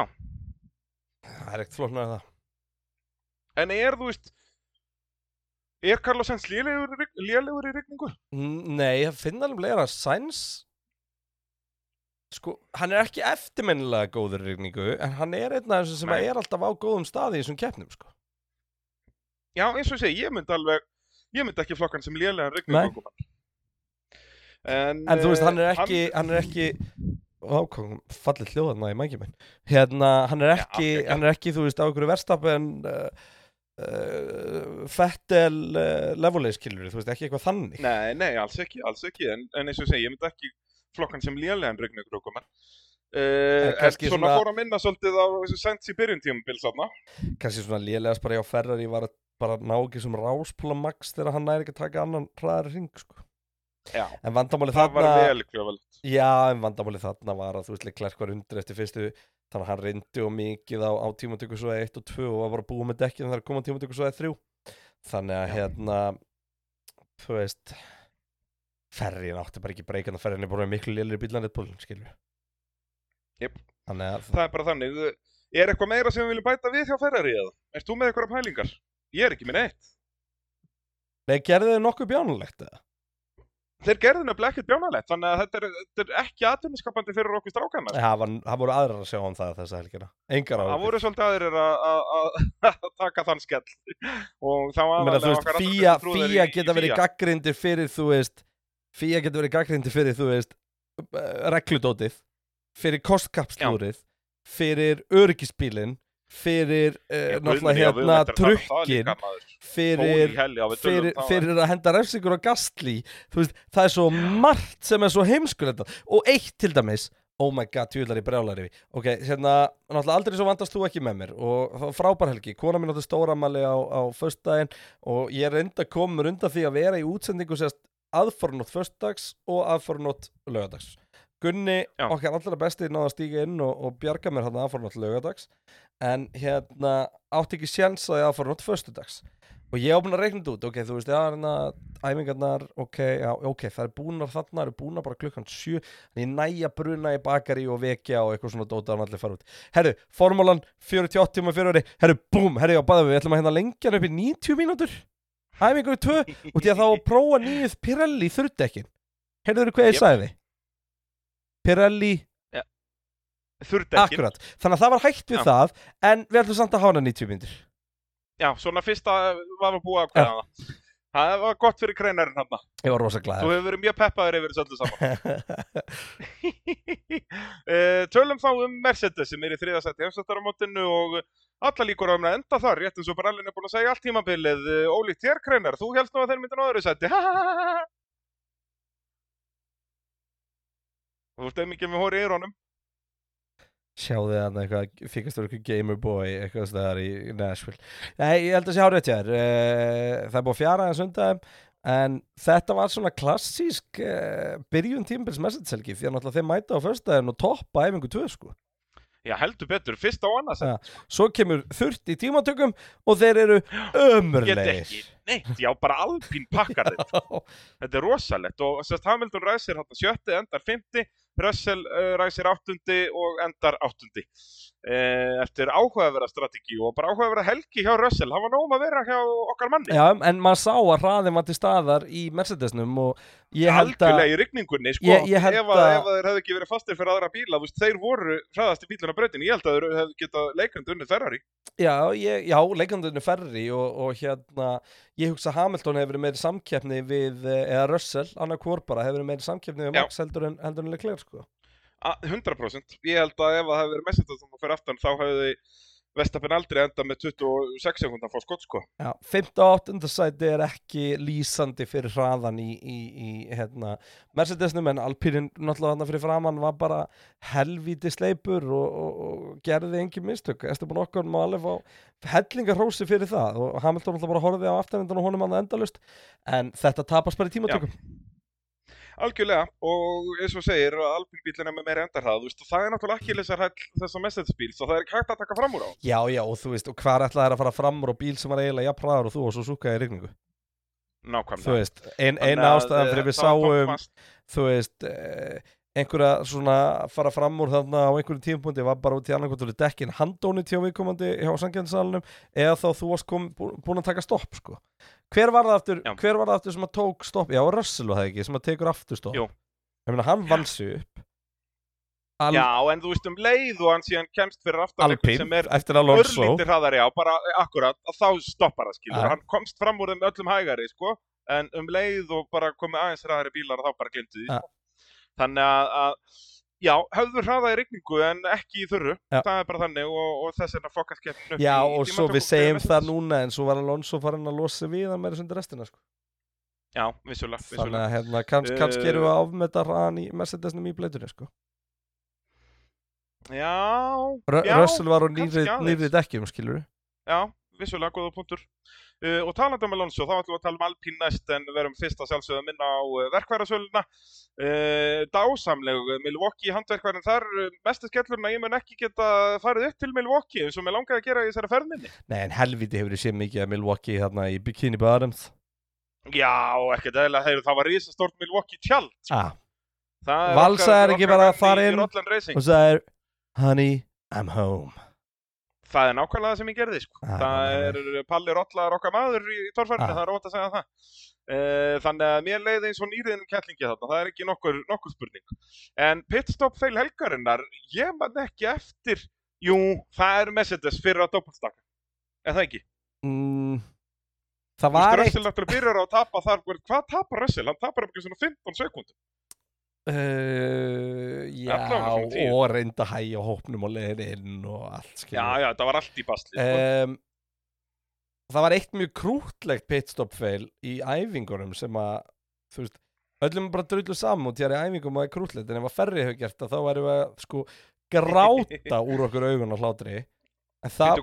þeir fatta það hérna mér minnir að það hafi verið Juki og þetta var rosalega fyndið, þetta var eitthvað svona æfingu og það var nýbúið að vera svona geð mikið að sína okkur Juki svo nota hvort það var einn út á brautinni og kom svona statsar eitthvað þú veist, heyrðu stæstu fréttir helgarinnar Nú? það kom svona spjald um Bottas svona þú Já. veist hérna favorite Já, food já, eitthvað. hérna uppáhaldsmynd og eitthvað svona kjæftæði. hann á, hann á svalasta gældir sem þú getur átt sko Nú? hann er finni, gískaði einu sinni Finni. Hvað er það? Ég veit það ekki, höskihundur eða eitthvað, ég veit það ekki. hreindir sem heitir Rósa Á hann reyndin sem gælubíl. sem heitir Rósa Það er alvöru er ekki ekkjað en Það hérna, það var sérst eitthvað þannig spjaldbúur að koma um Juki og eitthvað Já. kemur hann inn og það er eitthvað svona pitstop practice og eitthvað svo fatta bara framhjólega að koma og bara, herru nei, þessi intermediate dekk snúa í villis átt og þau svissa hægur og vinstri Þannig að munstrið er að sjúa vatn inn já, þannig að þeir, þeir fyrst rífa það af og hlaupa hringin og setja hinum með það var ógslag gott það það- Júki er líka krútlegu kalla, það var gott að þið gerir svona krútlega mistur. já, líka í æfingum sko, það er já, já líkilatri. En hérna, þannig að nei, ég held að pitstop fyrir helgarna, ég veit ekki alveg hvað það á að vera. Það er ekkert eðla að fyndi að Gasti hafi það komið inn með skilti. Já, heyrðu, það var enda mjög krútlegt og ekkert lítið Rolex skilti. Þetta var bara hálfur bannir fram á bílum. Ja. Þannig að, en jú, Eh, eh, hendur bensi í það. Eh, Við hjólum í það. Uh, Alpín eru komnir upp í fjörðasettið aftur. Þetta er hörku slagur hérna en Alpín náðu nú heldur betur að berja McLaren niður núna aftur um helgina með geggjöðum árangri. Sjöunda settið á Alonso eftir að var rest sjöundi. Okkon ræsir fymti og endar fjórði en endar bara sama stað en síðan aftur þetta sent satt nút þannig að hann vinnur upp eitt sæti. Og fyrir vikið er Alpín núna með 143 stig gegn 130 stig og McLaren. Það munar hérna 13 stigum. Já. Þannig að við, já, við erum alltaf að segja svona, ok, heyrðu, nú verður þetta erfitt fyrir næsta, hérna, fyrir liðið sem er fyrir undir, en þá, þú veist, McLaren verður þá bara geggjaðir í Texas. Nei, þetta er búið. Þetta var líflínan fyrir McLaren, að þú veist. Þeir eru ekki, veist ekki að fara að stimpla sig út báðir aftur og, og ég hugsa að Texas sé þannig braut að... Nei, samt, jú... Ég er að fara að setja Alpin fyrir ofan McLaren í stigum í spátuskeppninu allavega, sko. Já, ég held uh, að eins og samanlæðir þar. En þú veist, aldrei sé aldrei en náttúrulega Norris, Norris að við töldi keppna það meikar ekkert sens að, sé að við séum ennþá í slag við Alpín Já, og hann á náttúrulega ekki að segja við, Nei, ég veit það, þetta er bara hann, það er svolítið þannig uh, og við erum búin að segja það allt tímabili, að það er þú gengur, getur ekki að bera sem svona sæti með einn ökumann. Nei. Það bara Það gengur. gengur ekki Uh, Einar Sveit spyr, uh, nú stimpluðu báðir albínbílarnir sig út í síðustu keppni en mættu báðir uh, um helgina án refsinga. Áttu er bara einhvern meðlungsslitinn mótor og taka refsingun út síðar. Uh, ef svo er hvað ætti það að gerast. En svo, sagt, já, basically er það þannig að þeir nota út að þeir vilja ekki, Suzuka er braut sem þú vilt ekki taka út vélarefsingu á. Þannig að þeir vildu forðast það Já. Ég veit ekki- það veist, þeir náttúrulega líka eru búin að taka svo mikið af vélaröðsingum maður getur vel verið að þeir eigi fullt af þú veist hálslýðnu, þú veist Já. uh, Al- Algjörlega. En ef að þeir þyrta að velja keppna sem eftir er til að taka út refsingu er það ekki Brasilia.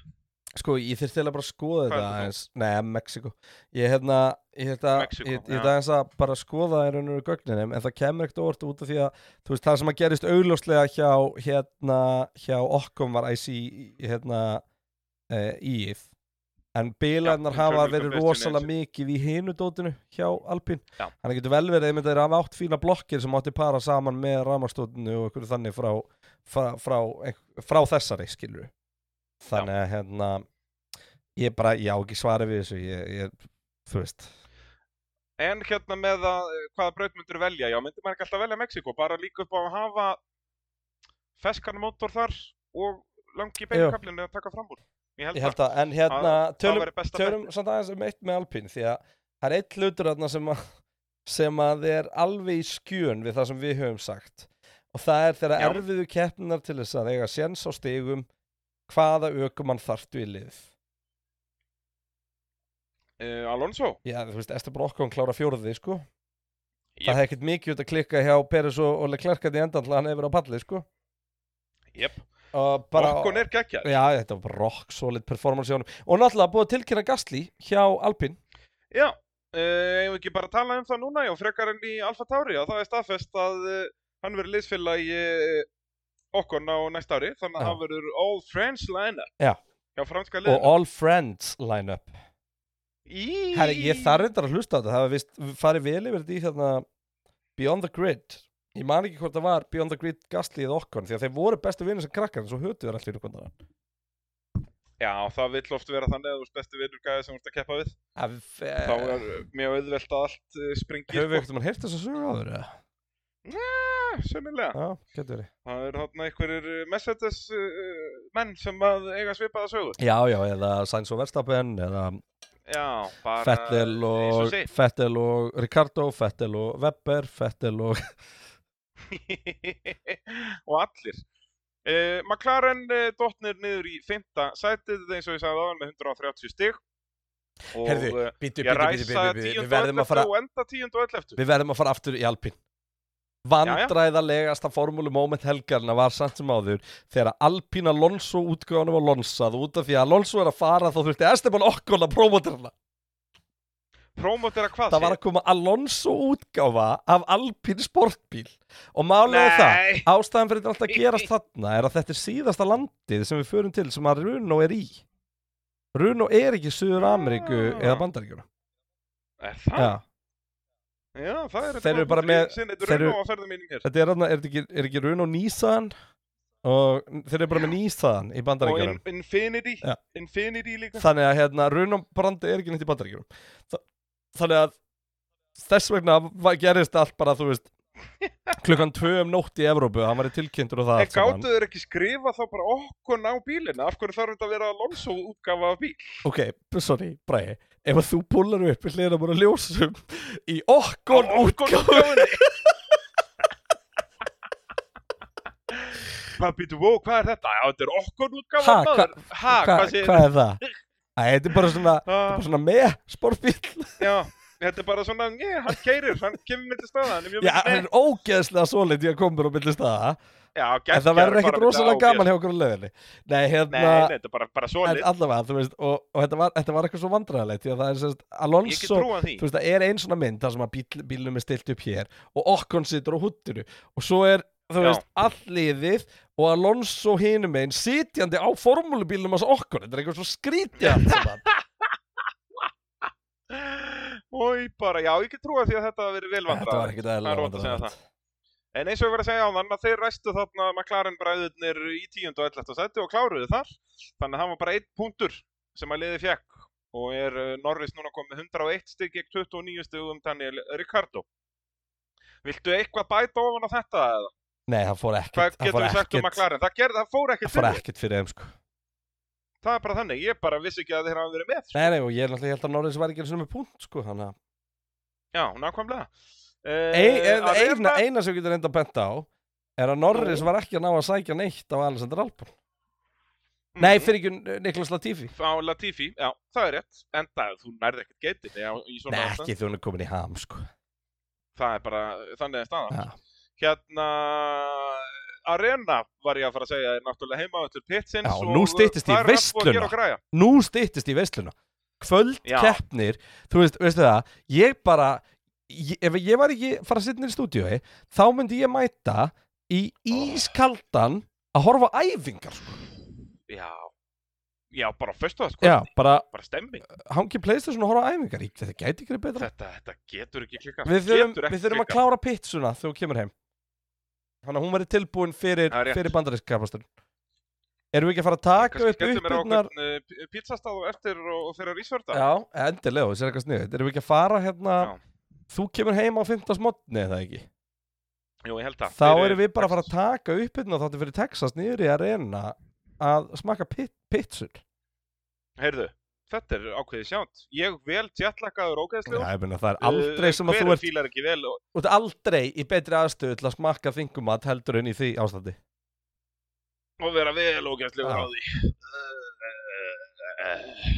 Við elskum það. Það er uh, þannig að staðan Alfa Romeo eru í sjötta sætti komið stigalegs úr þessari keppni en kláruðu þá báðir bílar sem er nú bara gerist alls ekkert svo oft hjá Alfa Romeo og nú eru þau náttúrulega komnir í bara smá basli hann, eru í sjötta sætti orðið ansi langt síðan þeir skoruðu ykkur stigaviti Við erum með 52 stig, en Aston Martin sem er í sjöndasætti eru með 45 eftir geggja nárugur hjá Fettel. Þannig að, já, Aston gætu verið að fara að hoppa hér upp úr níundasætti upp í þá sjötta á loka metrunum. Já, Uh, en viltu eitthvað tala um Alfa Romeo? Hvar eða? spáði ég að Aston? Ég vissi ekki að voru...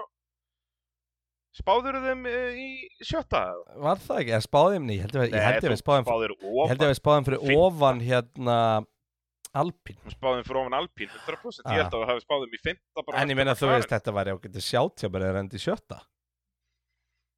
Já, það er endur orðið hættulegt, sko. Ekki Líka út af því að þú veist, þeir eiga engan rétt á því sko. Nei, Þeir eru utan en reyndar, en þú veist, að en, en, en þeir gætu unni hann að Formúlu 3. Það er þannig, það er, við erum með Formule 1, Formule 2 og Formule 3 Já. basically. Það er Formule 2 Nei, er þetta ekki, er ekki Formúla 1, Formúla 1,5 og svo Formúla 1,99? Jú, eitthvað svo leis. en uh, já, tölum þá bara um Aston Martin því að uh, Fettel var geggjaður um helgina. Ræsi níundi og endar sjötti eftir að hafa tekið sjansinn, vitandi hvernig aðstæður voru og fer fyrstur inn á intermediate-dekkin og heldur betur nýtti sér það. Ég meina, það segir manni Eh, hvað gerist ekkert í þessari keppni að hann og Alonso fara að hlifið hliðin í fyrstu bygg og fara að hlifið hliðið línuna sér. Já, sko, Ívar Sigurbjörn spyr hérna, þarf ekki aðeins að ræða slægin millir Alonso og Fettel undir blá lokkin sem virtist alveg fara fram hjá útsendingastjórn. Hvernig lítur topp 5 listin út yfir minnsta mun millir manna eftir reis? Með minnir sko að minnsti munur millir topp 5 eftir reis var Monza hérna eitt árið 1965 eitthvað svo leiðis. Þeir koma sko fjórir jafnir yfir línuna og svo er einn hérna halvri sekund á eftir. En þetta var geggjaður endir hjá þeim, þó að eins og segi, við pikkuðum það ekki út í, í live-inu, heldur saman bara endursýningar. Já, sko, smallest winning margin ever til dæmis. Um, hérna er 0,0 Ah, er, ég tók headphone-um minna saman til þetta. með allt niður þig. Það má ekki líta á kreinar í eitt augnablík og þá er hann farin að vera með tólkslend. Já, það var semst 0,0 uh, uh, Það var 1971 Þar vinnur uh, Peter Gethin uh, Ronnie Peterson með Á uh, Monza. 0,01 Á uh, Monza. Já, veist, væntalega Ítalien, já, er það ekki Já, já. Já, Monza Það, jú, jú. 5. september 1971 Búm. og sem sagt, þá var bara hérna þá var bara uh, hundrasluti en eftir við fórum í þúsundasta hluta þá er það Já. 0,011 þannig að 11 0,- þúsundistu úr sekundu sem að er það sama og ef ég maður rétt Alonso og Fettel um helgina Já, þeir koma náttúrulega bara hlifið hlifið línuna. ég held, ég held að það veri 0,01 sem var á millera en þetta var sérst bandaríski kapasturinn árið 2002 þar sem að Rubens Barrichello vinnur Mikael Schumacher með 0,011 mannst þetta því? Já, það var náttúrulega það út að þeir byggu það til. Já, það kerur hlifið hliðið línuna Já. Þannig að, Og vissu, hvoruður þeirra vissi hver vann, sko. Já. Út að þeir bara ætlu að fara jafnir, basically. þannig að hérna, Eh, já, en tölum aðeins um Fettel. Littla helgin, hann náttúrulega kemur síðastur út í fyrstu beigju. já, bara og snýr í nær að öfu átt. Já. Uh, algjörlega geggjaður, þú varst búinn að spá þessu. Já, já, 100% þetta var alltaf að fara að gerast En hann hefði aldrei bara í þessu sæti nema hann hefði lent í þessum áreistri Já, Því að hann tekur sjensin út af því, alveg eins og Latifi það er akkurat málið. Og, og næra að vinna sig upp í sjötta setið og bara heldur byttu líflína fyrir Aston núna eiga bara góðan möguleika á sjötta setið Ja. því ég er ekki að fara að sjá Alfa Romeo og skora ykkur stig að viti að það sem eftir er tímabill Nei, Bottas svo sem alltaf segur í, í, í næstu þremu keppnum sko. Já, já, En þú vissulega, veist, vissulega. Alfa Romeo er ekkert endla segur í næstu þremu keppnum. Nei, Og þannig að þetta getur það ansið áhugaverð já, líka bara þegar maður skoða töfluna sko Þú sér það að af sko ef maður skoðar hérna top 7 til dæmis bara svona til að gefa mann einhverja tilfylningu sérst sleppir því að vera með Okkon og Alonso inni út í að þeir skemmir þetta svolítið í Singapúr Já, þá eru sko tvö DNF frá því sem sagt, í Fraklandi sem og það er þrjú eða tökur Frakland með á alla topp sjögumunna Já. Og þaraf er það Charles Leclerc sem dettur út í Fraklandi og við vitum það var krass það er Lewis Hamilton Jú. í Belgíu það var krass og það er Carlos Sainz í Japan það var krass það er ekki búin að vera Já. ein bilun hjá sjö Bara síðan síðan í að það kviknaði í bílunum hjá Carlos Sainz í Östuríki Austuríki, akkurat. Já. þú veist, Vá, hvað það er styrlað þegar maður spáir í því að Carlos Já. Sainz er með sko 1, 2, 3, 4, 5 retirement á tímabilinu og það er að vera þrjú held ég vélatengt sko Já. Já, það er algjörlega störtlað, bara núna í síðustu keppn þá bilar þetta ekki neitt. Nei. Uh, talandi um hluti sem að bila, Hasa var svolítið verið í því á þessu tímabili, eru í áttunda sett í mótun núna. Lítið búið að vera um stigasöfnun á undanförnu og uh, ég spá ég því að þeir munu bara ekki fá eitt einasta stig það sem eftir tímabils nema eitthvað svona mikið surprise gerist. En uh, já, þeir Magnúsin og Sjúmakkir enduðu þarna í 14. og 17. seti og kannski svona aðapælingi þarna er uh, Já, hvernig fór mikk frá því að leiða keppnina í tvær sekundur í að enda síðastir yfir línuna? Eh, það var Það, þeir bara tóku gamblið Já. og ég virði það mjög mikið. ég, mér mjög. fannst ekki bara svo vel gert hjá þeim að segja það bara, ja, við erum bara að láta okkur dreyma um öryggispilina Já. en, En hérna Hefur þú ekki gert það sama? Þú veist, var þetta feill hjá þeim? eða? já, pínu, út af því að sko það sem að gerist uh, í, og við slum ekki gleyma að hérna í öllum æfingum sem voru blöytar var Kevin Magnússon 50 hraðastur Vissulega. þannig að þú veist, það er náttúrulega gjössamlega rústar helgina fyrir þeim að hérna, tímatökurnar séu þurrar Mm og uh, veistu það, það er eiginlega það sem ég finnst leiðilegast núna við rigningakefnir að það er, það er nákvæmlega sum, það er alltaf usual suspect sem eru þarna sko. Þú veist, þetta er ekki eitthvað bara, herru, allt í henni bara hérna, bara Williams og Haas bara vatnir að berast um fimmtasætið þú veist, Já, já. svona eins og þetta er gerðist oft í gamla daga sko.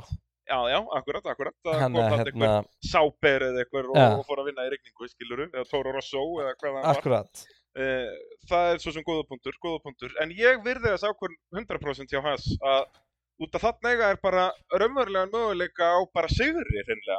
Þú veist allavega velunapalli, en þurftu náttúrulega mjög mikla hefni sem þeir fengu ekki. En, en ef þú ert liðið svo hans, þú veist, Tekur að hann hefði fengið ef hann hefði unnið. Já, þú veist, 25 stig, þeir voru komnir upp í sjötta seti, sko. það er bara hárétt og þá erum við ekki einu svona að reikna með sko stíðin sem þeir eru að taka af öðrum sko. við erum bara að reikna með Já, við nákvæmlega. bara 25 stíð á Haas sko. Já, nákvæmlega. góð Þeir voru komin upp fyrir Alfa Romeo og, og enginn væri að fara að ná þeim, skiluru. Og ég minna það er helviti auðvelt að selja sponsa á bíl sem vann keppna á tímubilinu og allt þetta, þú veist, bara ég verði þetta 100% ég Já. hefði gert nákvæmlega það sama. Uh, Alfa Tauri uh, kannski stærstu fyrirtna þar voru það sem vorum að tala um áðan að Pierre Gasly mun fara yfir til Alpine en annars er liðið núna dottir niður í nýjönda sæti er í rauninni jafn, uh, jafnt hansliðinu með 34 stig. Uh, og aftur mjög lítið að frétta nema þarna, jú, Gastli þarf að ræsa inn í pitt og uh, já, byrjar þetta nú alls ekki vel með að uh, pikka upp uh, öllisingaskiltin Já, en og það það er skilti sem að kemur út á brautin eftir að Carlos Sainz krassar. Hann fær það bara heilt á bílinn.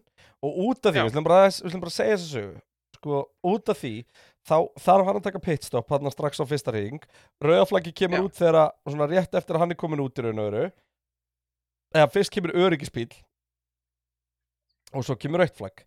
Og nema það sem að gerist er síðan allt, kannski við fyrir fyrst í þetta er að við förum bara að sjá Pierre Gasly stöppu geðveikarinn í pitt sko. Jep. alveg með einu það fara nú búin að vera gjössamlega sturlaðan og Jep.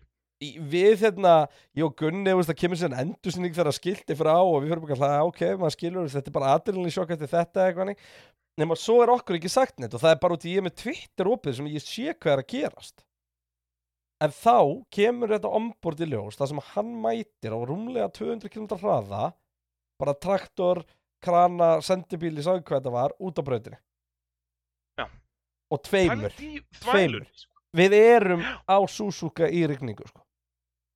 já og bara uh, munum eftir því að það dó ökumæður að Suzuka ára 2014 Í þessu sko já í svona aðstæðum og, og þá var traktorinn verið ekki inn á brautinni sko. Og- nú er hann á- inn á brautinni að keira á jöfug átt að- og Carlos Sainz nýbúin að sína okkur á nákvæmlega þeim stað sem að þetta gerist að Nákvæmlega. uh, þetta er að hætta og málið er það að fram að þessum punkti um, þegar þegar Gastli kemur út úr pittinum þá var hann einhverjum 40 að 39 sekundum á eftir uh, safety car kjónu á þeim Mhm. tímapunkt sem hann fyrir fram hjá Sainz krössuðum þá var hann búinn að taka 9 sekundur af og Sainz krassaði þarna í 200 R-beinu, hann að löngu hæri beinu sem er eftir herbeinu, þú veist, þetta er hann er komin djúft inn á tímatökusvæði 2 þegar þetta gerist Jep. eða þú veist, þegar hann fyrir fram djöfisins hraða.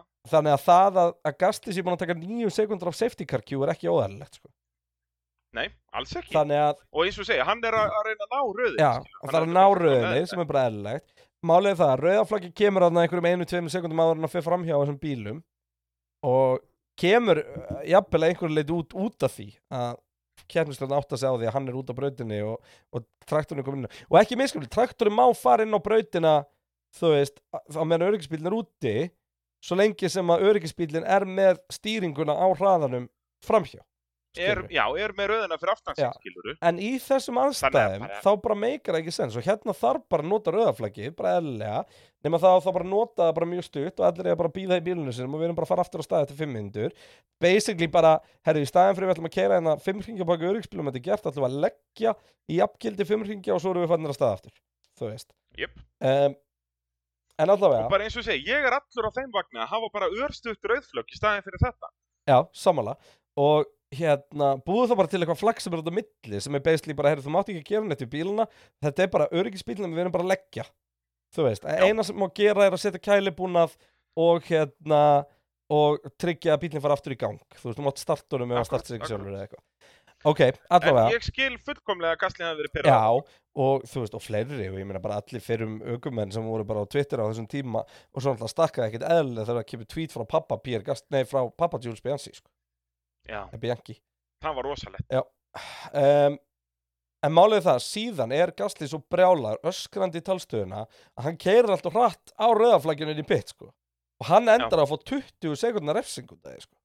Já, fyrir spýting bara. Og það er líka alveg rétt refsing, þó að náttúrulega, hann átti fulla rétt á að vera reyður átna, en uh, veist, þetta er svona eina af þessum reglum sem bara svart og hvít, bara þú keirir svona mikið hratt Það er ástæða fyrir að það er rautt flagg úti, skilur Já. og hann veit ekkit Gastli er unnur þarna hvort eitthvað annað gerðist fyrir framann eða eitthvað, skilur refsing. Jep. um, en allt í góð með það og Gastli bara tók því en það sem að ég, Já, mér, já. þarna kemur stóra skilinu fýja að fýja reyndi einhvern veginn að henda Gastli undir útuna frekar heldur en að geta bara sjálf skilur. Og það var augljóslega, sagt, þetta var rant hjá keppnisöldurum og fíja að henda traktorum í öfu og axturstefnu, þetta er bara, þetta er, ég ætla bara, ég bara að segja einu svona enn bring back Michael Masi já, en það er ekki hægt. Það þarf að, ég er, ég er sammála að uh, hann gerir uh, mikið af uh, góðum hlutum, en það bara gengur ekki, hann má ekki koma þann aftur, sko. Hæ? Það þurfti bara að finna eitthvað svipaða. um, En þú veist, það þarf bara að gefa þessum tíma, held ég. Æ, ég veistu það, mér finnst þetta tímbil bara búin að farsi þegar kemur að keppnisaldi Já, nei, ég ætla ekki að fara alveg svo langt að segja sér farsi, en jú, ég er sammálaður að það er ekki búið að vera gott. það búið mjög lélegt Já, já, svona, já, lélegt. Já. Það er bara þannig. Uh, eitthvað sem er ekki lélegt, að það er bensinuð ólís. Það er nú bara svoleiðis. Ef að þið eru ekki búin að skrá ykkur í, í vinnahópin, þá verður það á snáin á betur og næl ykkur í ólís líkilinn. Það er nú bara svoleiðis. Þá fáið þið bensinuð á enn betra uh, verði og uh, alltaf ykkur tilbúð í, í vestlunum og þetta er eintóm hamingja að vera þarna í vinnahópnum. Óvinnir helgarinnar, uh, bara Gastli og Fía. Fyrst við vorum að tala um það. Nei Nei, veistu það, mér finnst þetta of ljótt mál til að nýta í húmor sko. Já, hvað ég var að henda í óvinnum helgarinnar? um, uh, Red Bull og núðlusúpur Já, það er enda mjög gott sjátt, það er virkilega gott sjátt. Max Verstappen og bara vinna titilin eðlilega Já, það er, hann, hann er búinn að vinna tvo og enginn hefur verið vennilegur. Nei, elsku, ég veist ekki, ég vorkjörnum svo mikið sko. Ég hætti svo, og líka sérstaklega út af kontroversir í fyrra, skilur, þá var maður að vona núna, eftir mitt tíðanbíl núna og keru, nú fær hann að vinna bara sjóli titil. Já, ég meina, hann hann bara bakkar allt upp sem var eitthvað efast um, skilur Ég segi Þetta það, það og ekki- þá er fær hann ekki að vinna titilin vennum. Er ekki kvartmilu sem þú setur Íslandsmet þá þarf að taka sama tíma aftur til að staðfesta?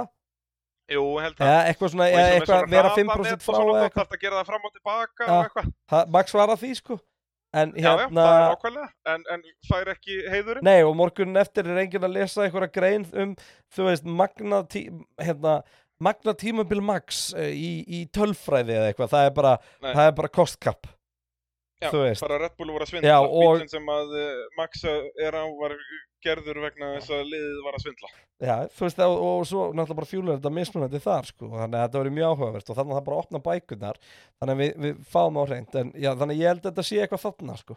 Red Bull, Red Bull og svo ég- þetta er catering, þá getum við ekki sleppt því, því uh, þeim sér, Það sko. þetta er, þetta er, geggjasjátt hjá þér, geggjasjátt. Uh, Williams. Eh, já, nú þurfum við náttúrulega að tala um geitina, það er bara svoleiðis. Uh, Ívar Máni spyr, þar sem það er líklegt að góð tífi verður ekki lengur í formúlinni, eru lausætti í IndyCar, DMT eða eitthvað slíkt. Uh, kannski áður en við tölum um það, en jú, hann finnur sér alltaf sætti Hvar, ykkur öðrum. hvað kom aftur fyrir Albon? Akkur það dottir út úr haustum á mér? Hann krassaði ekki. Hann krassaði á Nei, fyrsta hring. nei, það Nei, hann krassaði ekki, hann bilaði Já. og lagði bara hliðin á Það var sætt. ógeðuslegt bara- hljóð úr bílnum hjá honum, hann út í beginni. Ég, ég hef sjaldan heyrt jafn viðustyggilegt hljóð, svona mekkanist hljóð úr, úr bara kapastisbíl. Þetta var rosalegt. En já, það bara gerir strax þannig á fyrsta hringa, hérna, allt fyrir í klássu, þannig að hann er í rauninni ekkert með í keppninni, en uh, geitin maður, nýjunda sæti, búm, tveir púntar. Já, og ekkert að grínast með það heldur. Þú veist, ef, Nei, ef, að þú, nei, eins og ég segi, Norris átti ekki breyk. ef þú hef bóðið mér upp á að velja hvar er Niklas Latifi að fara á stig og þú hefði sagt eitthvað svona uh, í keppnina sem að margir detta út á, þú veist, hérna, í Singapúr eða Já, eitthvað, Barcelona. eða Barcelona svona. eitthvað, þú veist, bara eitthvað sem margir detta út eða þá bara, herri, hann er bara að fara að gera það nokkuð solidly, hann er að teka gott pitstop á, hérna, Suzuka í, í grenjandi rigningu þar sem aukumenn er að kvarti verið að sjá ekki neitt og bílar er að fljóta Já. góður, Þar kemur geitin inn. góður En bara virkilega vel gert hjá honum. herri, hann ertu er- lélur þú ert ekki búin að setja hann upp í 20. sæti í skjáln Nei, ég er ekki búin að gera Hann er í gerði- Ég var 20. að drífa með það Ég veit allt um það uh, Enda hörku slagur um þetta 20. seti sem að Latifi Já. er nú komin í næst Búin að vera berjast um það allt tíma Já, já, og, og næst bestu úslit Latifi eru betri en næst bestu úslit de Vries. Þeir eru jafnir á stegum. Út af því að næst bestu úslit Nikti Frís er Ekki til. að vera ekki með Já, Þannig að hann vinnur það uh, nömmlega aldrei segja aldrei, tímbil er ekki búið. Vissulega, vissulega uh, En já, hvert veldur Latifi fer? Fer hann í Le Mans dæmið? Það er náttúrulega orðið svo áhugaverð serið núna ég, Ef ég var Latifi var ég nú að horfa á, á það Ég held að fara bara í, á bassan í hljómsveitinni hjá Sjakk Villinum, sko. Ú, heyrðu, það verður þetta grjótart múf Virkilega gott múf Ég veit það ekki, Eh, Latifi er hann ekki bara enda sem sjómasmaður í bandaríkjunum eða? Jú, hann var að Hann er flottur þetta, þetta er flott, flottur gæði, sko. Ég segi það, er bara mjög fýtt gæði sko. En ef hann- hann fer í- Hann sér eitthvað að gera Ef hann, þú veist, ég meina, jú, þú veist, Le Mans eða, og náttúrulega Le Mans með meiri presens í Ameríku líka, þú veist, já, já, af hverju ekki? Ég held það, að það verið solid múf fyrir gamla hundin uh, Annað sem er solid múf að það er að kaupa afskrift af Viaplay döminn og herrar því að uh, það er enn úr formúlan Uh, ef þið komist ekki á að reyna að horfa á formúluna þá er allavega líki latri að vera með Viaplay og horfa á formúluna þar og síðan enda löst að bíómyndum og stöfið að koma enna ég var að taka Spiderman um daginn, hann var dásamlegt nýjasta Spiderman kominn inn þarna Já. og ég veit ekki hvað og hvað. Ja. Eintóm hamingja. Hérna, áðurinn fyrir mig spátuskefna, við erum búin með öll liðinni, hegi? Jú, jú, það er spátumskeppnin Vi, við glimtum að ræða eitt. Uh, þegar vorum að tala um Max Tjúvill var hann geggjaður á fyrsta ringmaður Jep. Þú veist, Leclerc hvað kom með Bara- þetta, sko. Já, Klerki komið fram úr. Það er bara, hann er miklu, miklu, miklu betra starti en Verstappen hengi sem bara utan á, þú veist, bara í gegnum fyrstu tvær beigundar, djúvel var þetta gegn. Þetta var geggjað, sko. Það er bara þannig, hann er gegn. Hann er bara að segja allt og góður þessi gæði, sko. Það er bara, og þannig bara er það. aftur bara, uh, hann á ekki skilið að vera eitthvað efast um hann sem heimsmyndstar en það er bara staðan þauks í liðinu. Jep, uh, því miður, því miður. En spátámskeppnin, Varstu búin að Eh, reikna þetta eða? nei, varst þú ekki búin að regna þetta? Það voru komin einhver, einhver, einhver tölur. Jó, ég var að prófa þetta Hvað var páið fyrir sig? Var það mínus fjögur eða? Var það mínus tvö eða mínus fjögur? Var ekki mínus tvö? Nei, það var mínus, mínus, var það mínus fjögur, ok. Já, mínus En já, ekki fara fokki, ég var að regna þetta, stoppaðu, hægt að vera í Já, skælinu ok. okay. Það fer illa með, með sálina í brallan. Ok, En uh, jú, við vorum báðið með Maxi í fyrsta seti, þannig að það er pa-pá! Uh, og sérst, ef við förum aðeins yfir reglurnar í spátumskeppninni, það er nú langt síðan við revjum þar upp síðast, að uh, þá er þetta svo að já, og þú færð... Markmiðið að vera með fæstig. Já, og ef þú spáir einhverjum í öðru seti sem endar í fjórðasetti, að þá færðu sérst tvö mínustig á það, eða sérst tvö, En þú fær tvö stig á og- það, en þú fær tvö mínustig og spáin einhverjum í rétt sæti og fjögur þú spáin í réttan sig að vera. Akkurat. Og við vorum báðið með Max, uh, við vorum báðið með Klerk, uh, ég er með Sainz í þriðja, þannig að það eru mínus 16 þar, ákveðin skellur. Þú ert með Hamilton mínus 2, uh, ég er með Hamilton í fjórða, þannig að bara mínus 1 þar. Þú ert með Sainz í fjórða, þannig að mínus 15. Skellur. Svo er ég með, uh, við erum báðir með Russell þar fyrir aftan mínus 3. Svo er ég með Peres uh, mínus 4. Þú Alonso, þannig að það er bara mínus 1 þar.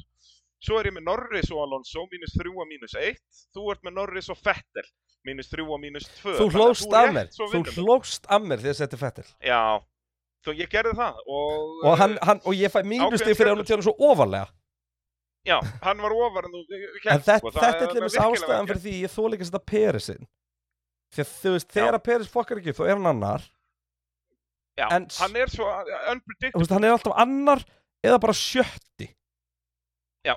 Þannig, þannig er staðan. ef, við- ef við skoðum til dæmis bara formið hérna hjá honum, núna, síðan að hann sagt, vinnur í Monaco, þá er hann uh, annar í Azerbaijan, svo dettur hann út, hann er annar í Bretlandi, svo dettur hann út, hann er fjórði í Fraklandi, fymti í Ungarlandi, annar í Belgíu, fymti í Hollandi, sjötti á Ítalíu, fyrstur í Singapúr, annar í Japan. Þú veist, þetta er bara, þetta, If you ain't first, you're last. Nei, veist, þetta er bara ekki Þetta er bara ekki Þetta er bara ekki solid að menna Russell 4, 5, 3 4, 5, 3 5, 3, 4 4, 3, 5 hann er bara alltaf en fyrir bandaríkjan ætla ég að spá uh, ég ætla að raun að hafa bara með svipað Ætlum að spá hér, ef við ekki bara gera upp hérna þetta Ég hef eftir að gera, gerum við upp hérna þetta jú, jú, við getum gert það. Við Munum bara eftir því. gerum það bara þannig. Það ekki, hérna í uppbytunum þættunum sem kemur inn á Petru fyrsta er, fyrsta er viku pása. Hérna eintóm hamingja uh, má ég fara út að borða og drekka mér í bjóri Þú mátt það uh, Við ætlum bara að minna á það Glæsilegt. uh, Indislega fólk að Max Verstappen er heimsmeistari í Formule 1 alveg eins og við spáðum held ég báðir uh. Nei, þú varst með Hamilton já, voru við ekki báðið? nei, jú, já, ert að tala um bara í byrjun tíðanbils Já, hvar Þá erum við með það skrifað? Spá hjá Bralla, ég man það ekki þú varst með Hamilton já, en þú með Vestapen Þú varst með Hamilton, Verstappen, Russell, Leclerc, Perez, Sainz. Ég var með Max, Við Ham, þetta Leclerc, Sainz. Perez Þetta, þetta verður áhugavert þegar við Já, förum yfir þetta. getur verið það, um, um, betur. Já, um, minnum bara á það að núna á fimmtudaginn þá kemur út fyrri þátturinn í tveggja þáttaseríu um Kimi Rækonen fyrri þátturinn kemur hann á petunum.is og það var svolítið skemmtilegt í dag. Ég sá að hann hérna hvað heitir hann aftur? Hérna, ótrúlega gaman alltaf að lesa eftir hann á Twitter og hann að gaurin sem er svona í hagfræðinu í Íslandsbanka og er alltaf að posta um svona áhugavert tengt íþróttum. Heitir ekki Björn eitthvað? Allavega hann var, að, hann var að fjalla um svona bara í bara einu tvíti um hérna Lotus dílinn hans Kimi Já, sem bara sennilega dýrasta bónuskerfi ever í íþróttum. Já. og, Og setti lið, íþróttalið á haus þannig ég mitt kommenta og segja herru, skemmtileg tilhörun þetta er allt saman að þetta inn á pitin Og það verður á Spotify eftir viku. Við byrjum sérst á petrum.is á fimmtudaginn, þá fyrir við fyrirlinurinn fyrir formúlu. Uh, Svo tökum við aðal formúlu fyrirlin uh, fyrir uh, almúan inn á uh, Spotify næsta þriðudag heldur betur og svo vorum við mættir aftur bara og þá er ég komin aftur til landsins. Hann er bara ætlar að fljúa frá bandaríkunum akkurat til að formúlan fyrir bandaríkun þetta er mjög eðlilegt allt Já, saman þetta er mjög, einkenni, mjög einkennilegt. En Það er bara eh, svoleiðis. þannig að við erum með þetta, við erum með þetta allt á hreinu hérna fyrir bandaríkja helgina og uh, stefnum svo á helgina eftir það að vera með eitthvað í arena, þá er náttúrulega þægilegu tími út af Mexiko sko, þannig að þetta er, uh, þetta er, þetta er allt að gerast, allt spennandi, en Max Verstappen er heimsmeistari í formule, teka bá, þetta var gjössamlega styrlaði tillur, bræði drullaðir út að borða, ég heyri í ykkur indislega pitgrú.